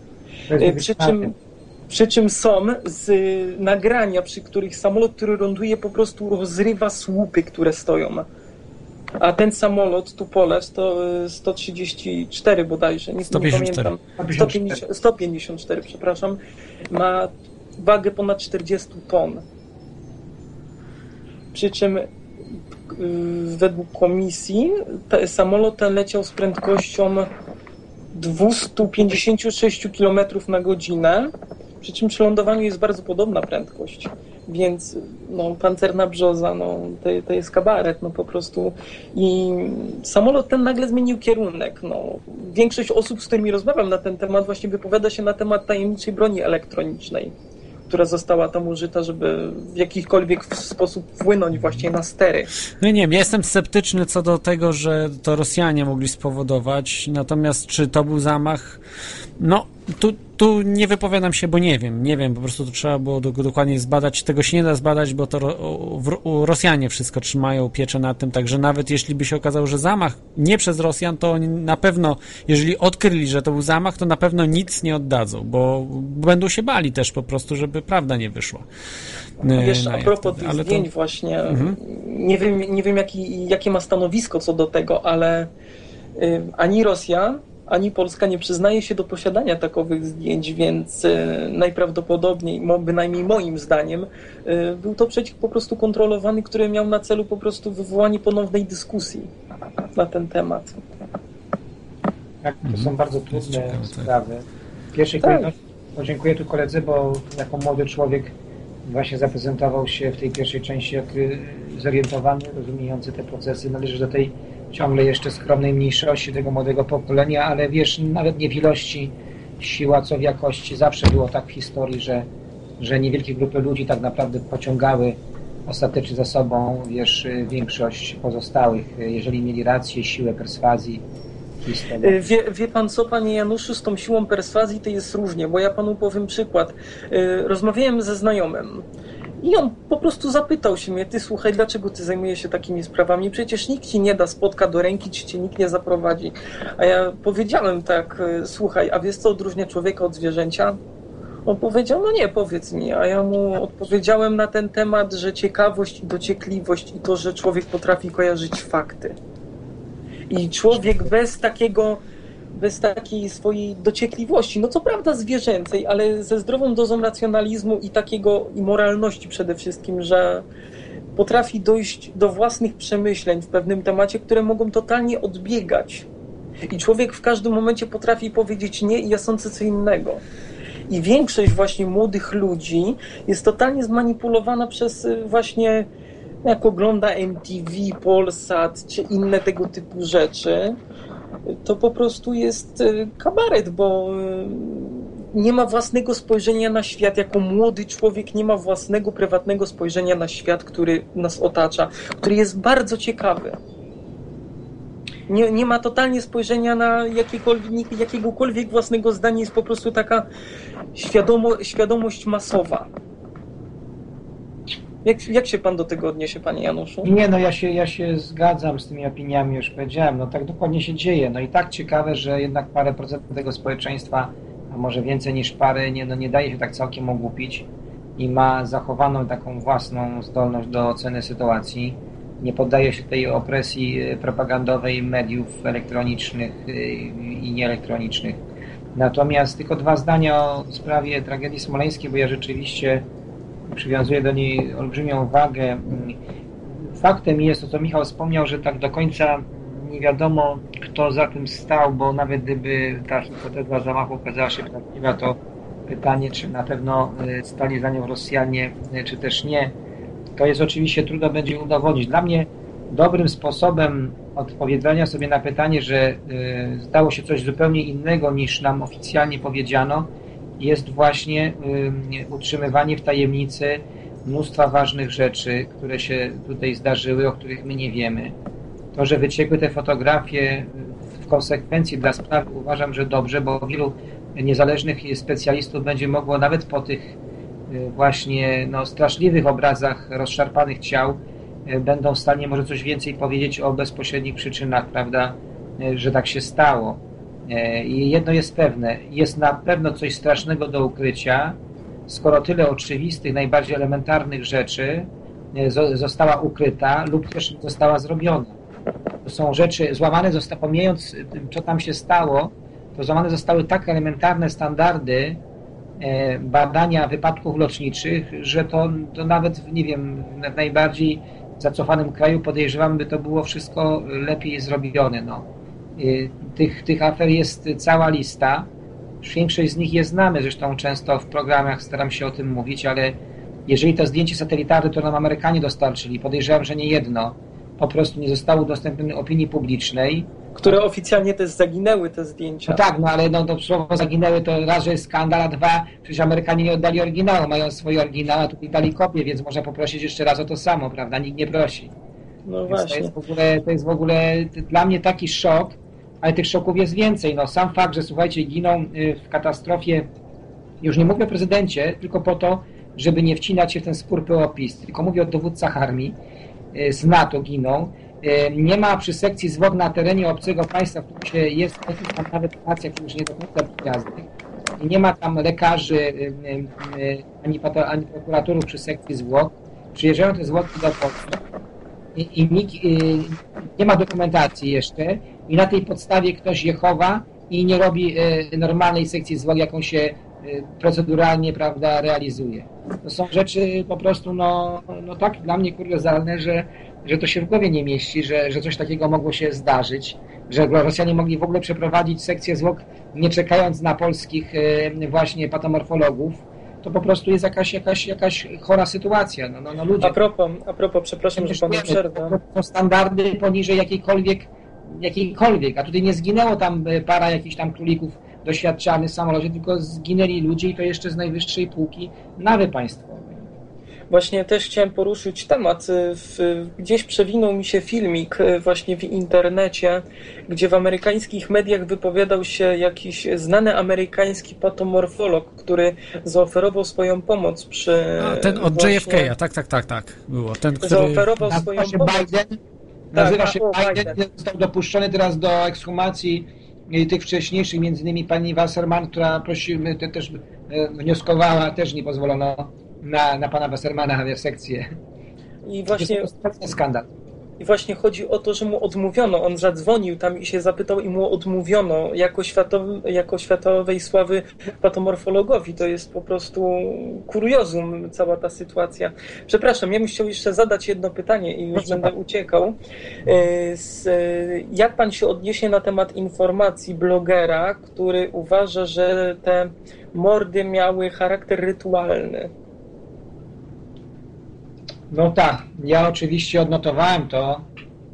Ta sprawa jest mi już wcześniej. Ja, ja miałem informację na ten temat już wcześniej, bo w internecie krążył taki motyw. Ja powiem tak, bo przecież co mi, trudno mi to wszystko zweryfikować. E, trochę mnie zaskoczyło to, e, że on tak to poprowadził. Swego czasu na takiej stronie polskiej e, pojawiły się tego typu sugestie. Ja bym powiedział w ten sposób. Jedno jest dla mnie pewne, chociaż mało jest na to takich twardych dowodów, że ludzie z kręgów władzy, tej ukrytej, w skali świata i myślę Europy, bardzo mocno zaangażowani są w praktyki satanistyczne, powiedzmy o różnej tam proweniencji. To, co mówi David Icke, prawda, y, co wynika z sporo innych rzeczy, jest to według mnie absolutnie, absolutnie pewne. Czasami nawet słyszę tutaj, że i w polskich kręgach y, są też tacy ludzie, gdzieś tam ktoś coś zaplotuje, znaczy z kręgów katolickich gdzieś tam to wyskoczy. Tak, I, i patrzcie, patrząc jak świat działa, jak wygląda, jaka jest ta głęboka patologia, nie wyobrażam sobie, żeby całe to zło, które płynie, o którym mówimy dzisiaj już pół wieczoru, e, płynęło tak samo z siebie i z jakiejś takiej niezrozumiałej, spontanicznej reakcji ludzi. Ktoś za tym zawsze stoi, ktoś jest rdzeniem, zawsze jest jakiś rdzeń, biegun, który to napędza. I to musi być ta najbardziej do czystego zła zbliżona siła. I nie ukrywam, że absolutnie tacy ludzie są na wysokich szczytach władzy. Nie, Tutaj też nasz y, przecież bardzo upoważany w Stanach Zjednoczonych o- od Infowar, prawda, Alex Jones też, też nawiązuje do takich motywów.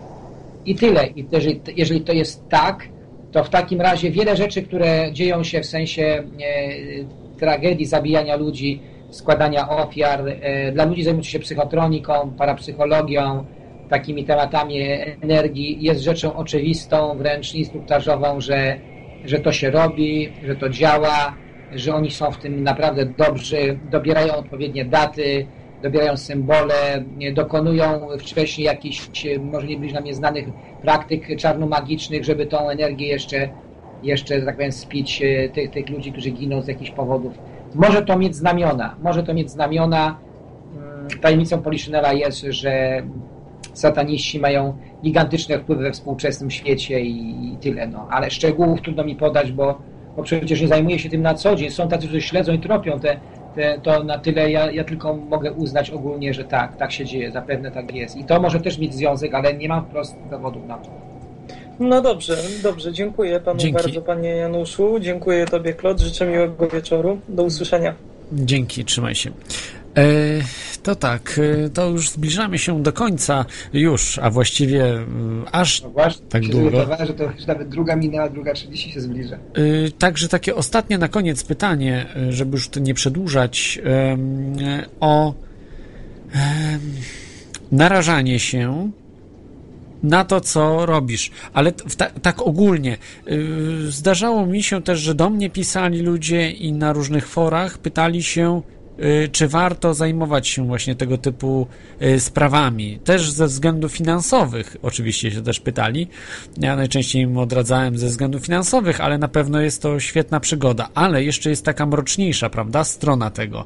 Y, Też kiedyś wspominałeś też w audycjach tutaj o różnych atakach, różnych też no, y, takich e, atakach w sensie mm, jakichś dziwnych ludzi. No, niekoniecznie może y, służb specjalnych, Tak, tak, niekoniecznie. Ja w, w absolutnie internecie ostatnio widziałem, tak tylko jeszcze powiem, e, ataki na twoją osobę i w ogóle niezależną telewizję, jakichś różnych dziwnych ufologów, w cudzysłowie ufologów, bo jak e, wszedłem nam na, na forum sobie przeczytałem, to po prostu jakieś zupełne oszołomstwo. I y, właśnie, no nie będę tam się pytał skąd się to bierze, ale czy warto po prostu, pomimo tego typu utrudnień, y, właśnie się tym zajmować? Wiesz, to jest wszystko kwestia osobistego wyboru, tak? Każdy z nas jakąś tam osobistą decyzję podejmuje. Czasami nie wiemy do końca, e, co jest gdzieś głębiej podyktowane, że idziesz taką ścieżką, a nie inną. Ja jak zastanawiam się nad tym, mm, czemu tak kroczę mimo tych wszystkich e, właśnie kłopotów, a im więcej coś robisz, e, to tym tych ataków jest więcej.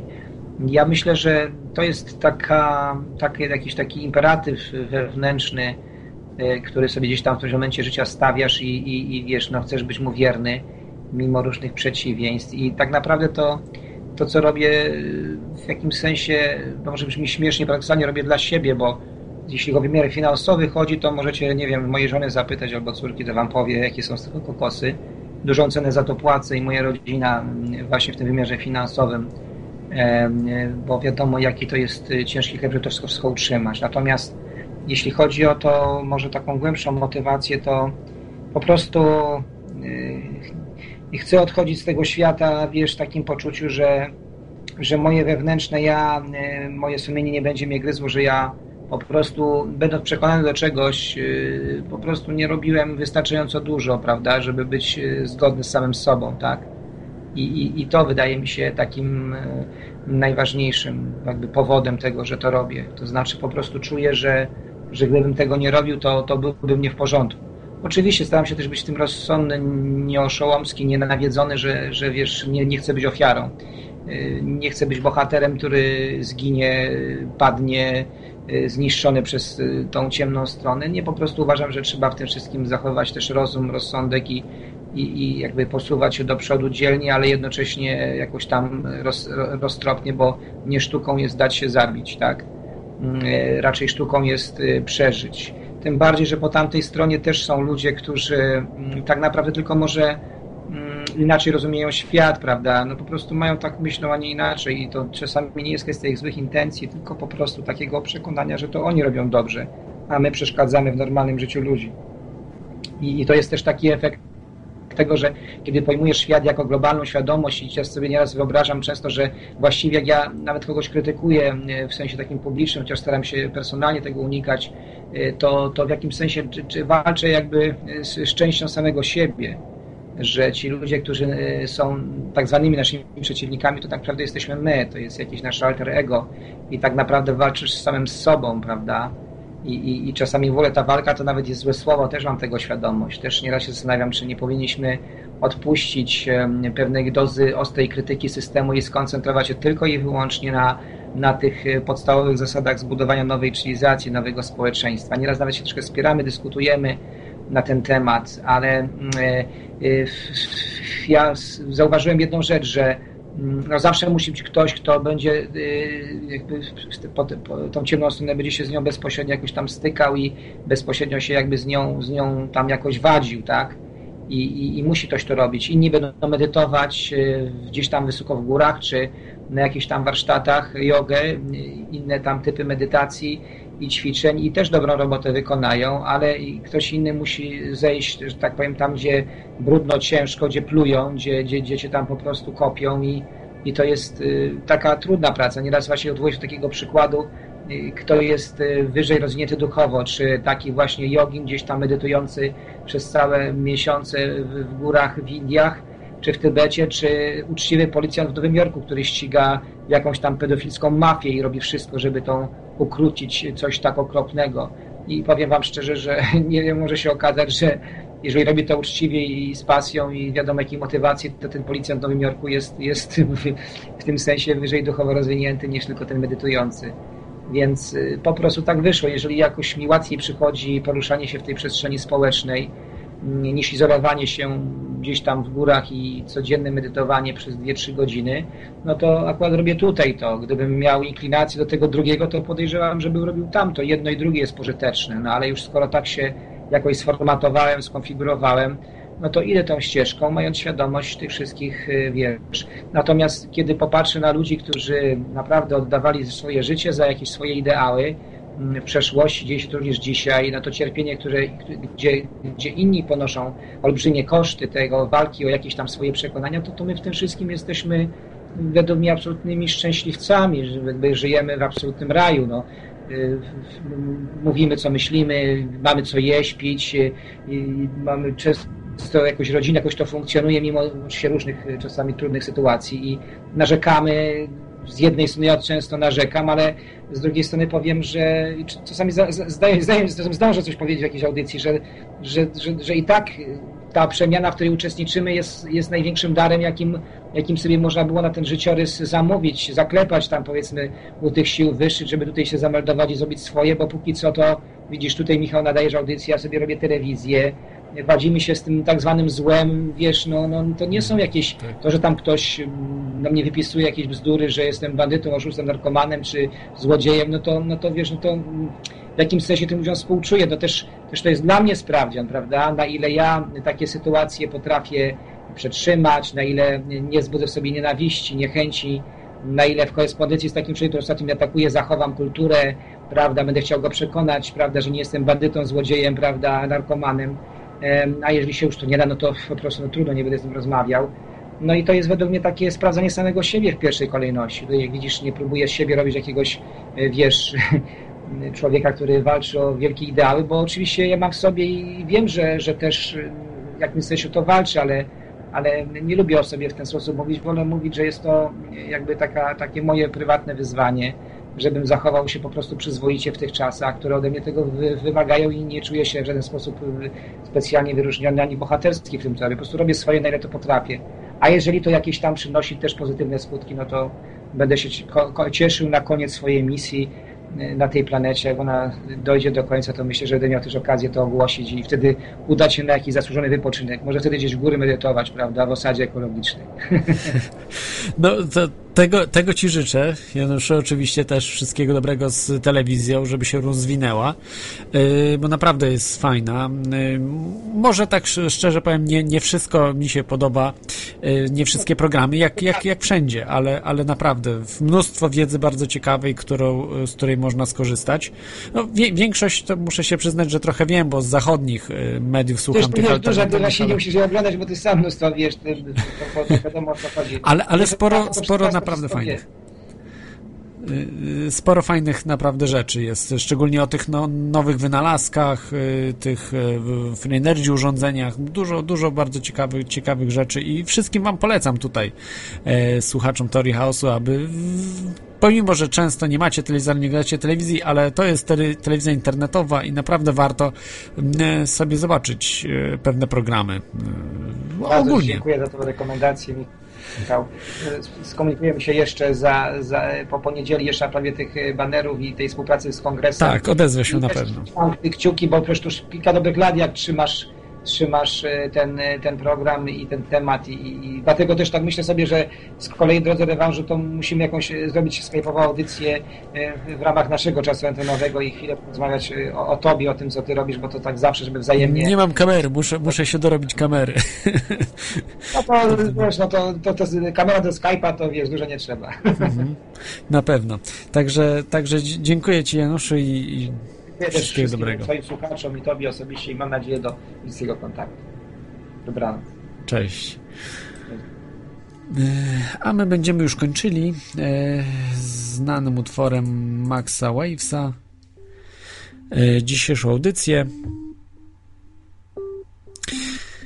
Także dzięki, że byliście tak no ponad 2,5 godziny wytrzymaliście w, z teorią chaosu. Dzisiaj była wyjątkowa audycja, mieliśmy wyjątkowego gościa. I rozmawialiśmy o telewizji, o alternatywnych mediach, które myślę, że to będzie domena XXI wieku. Właśnie takie media. Zapraszam Was za tydzień e, i miłego weekendu. Cześć.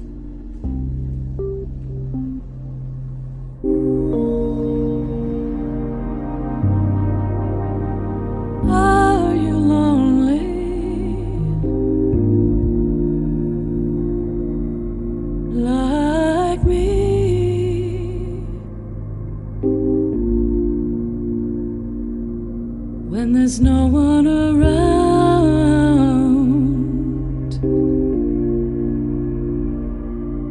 for you to talk with.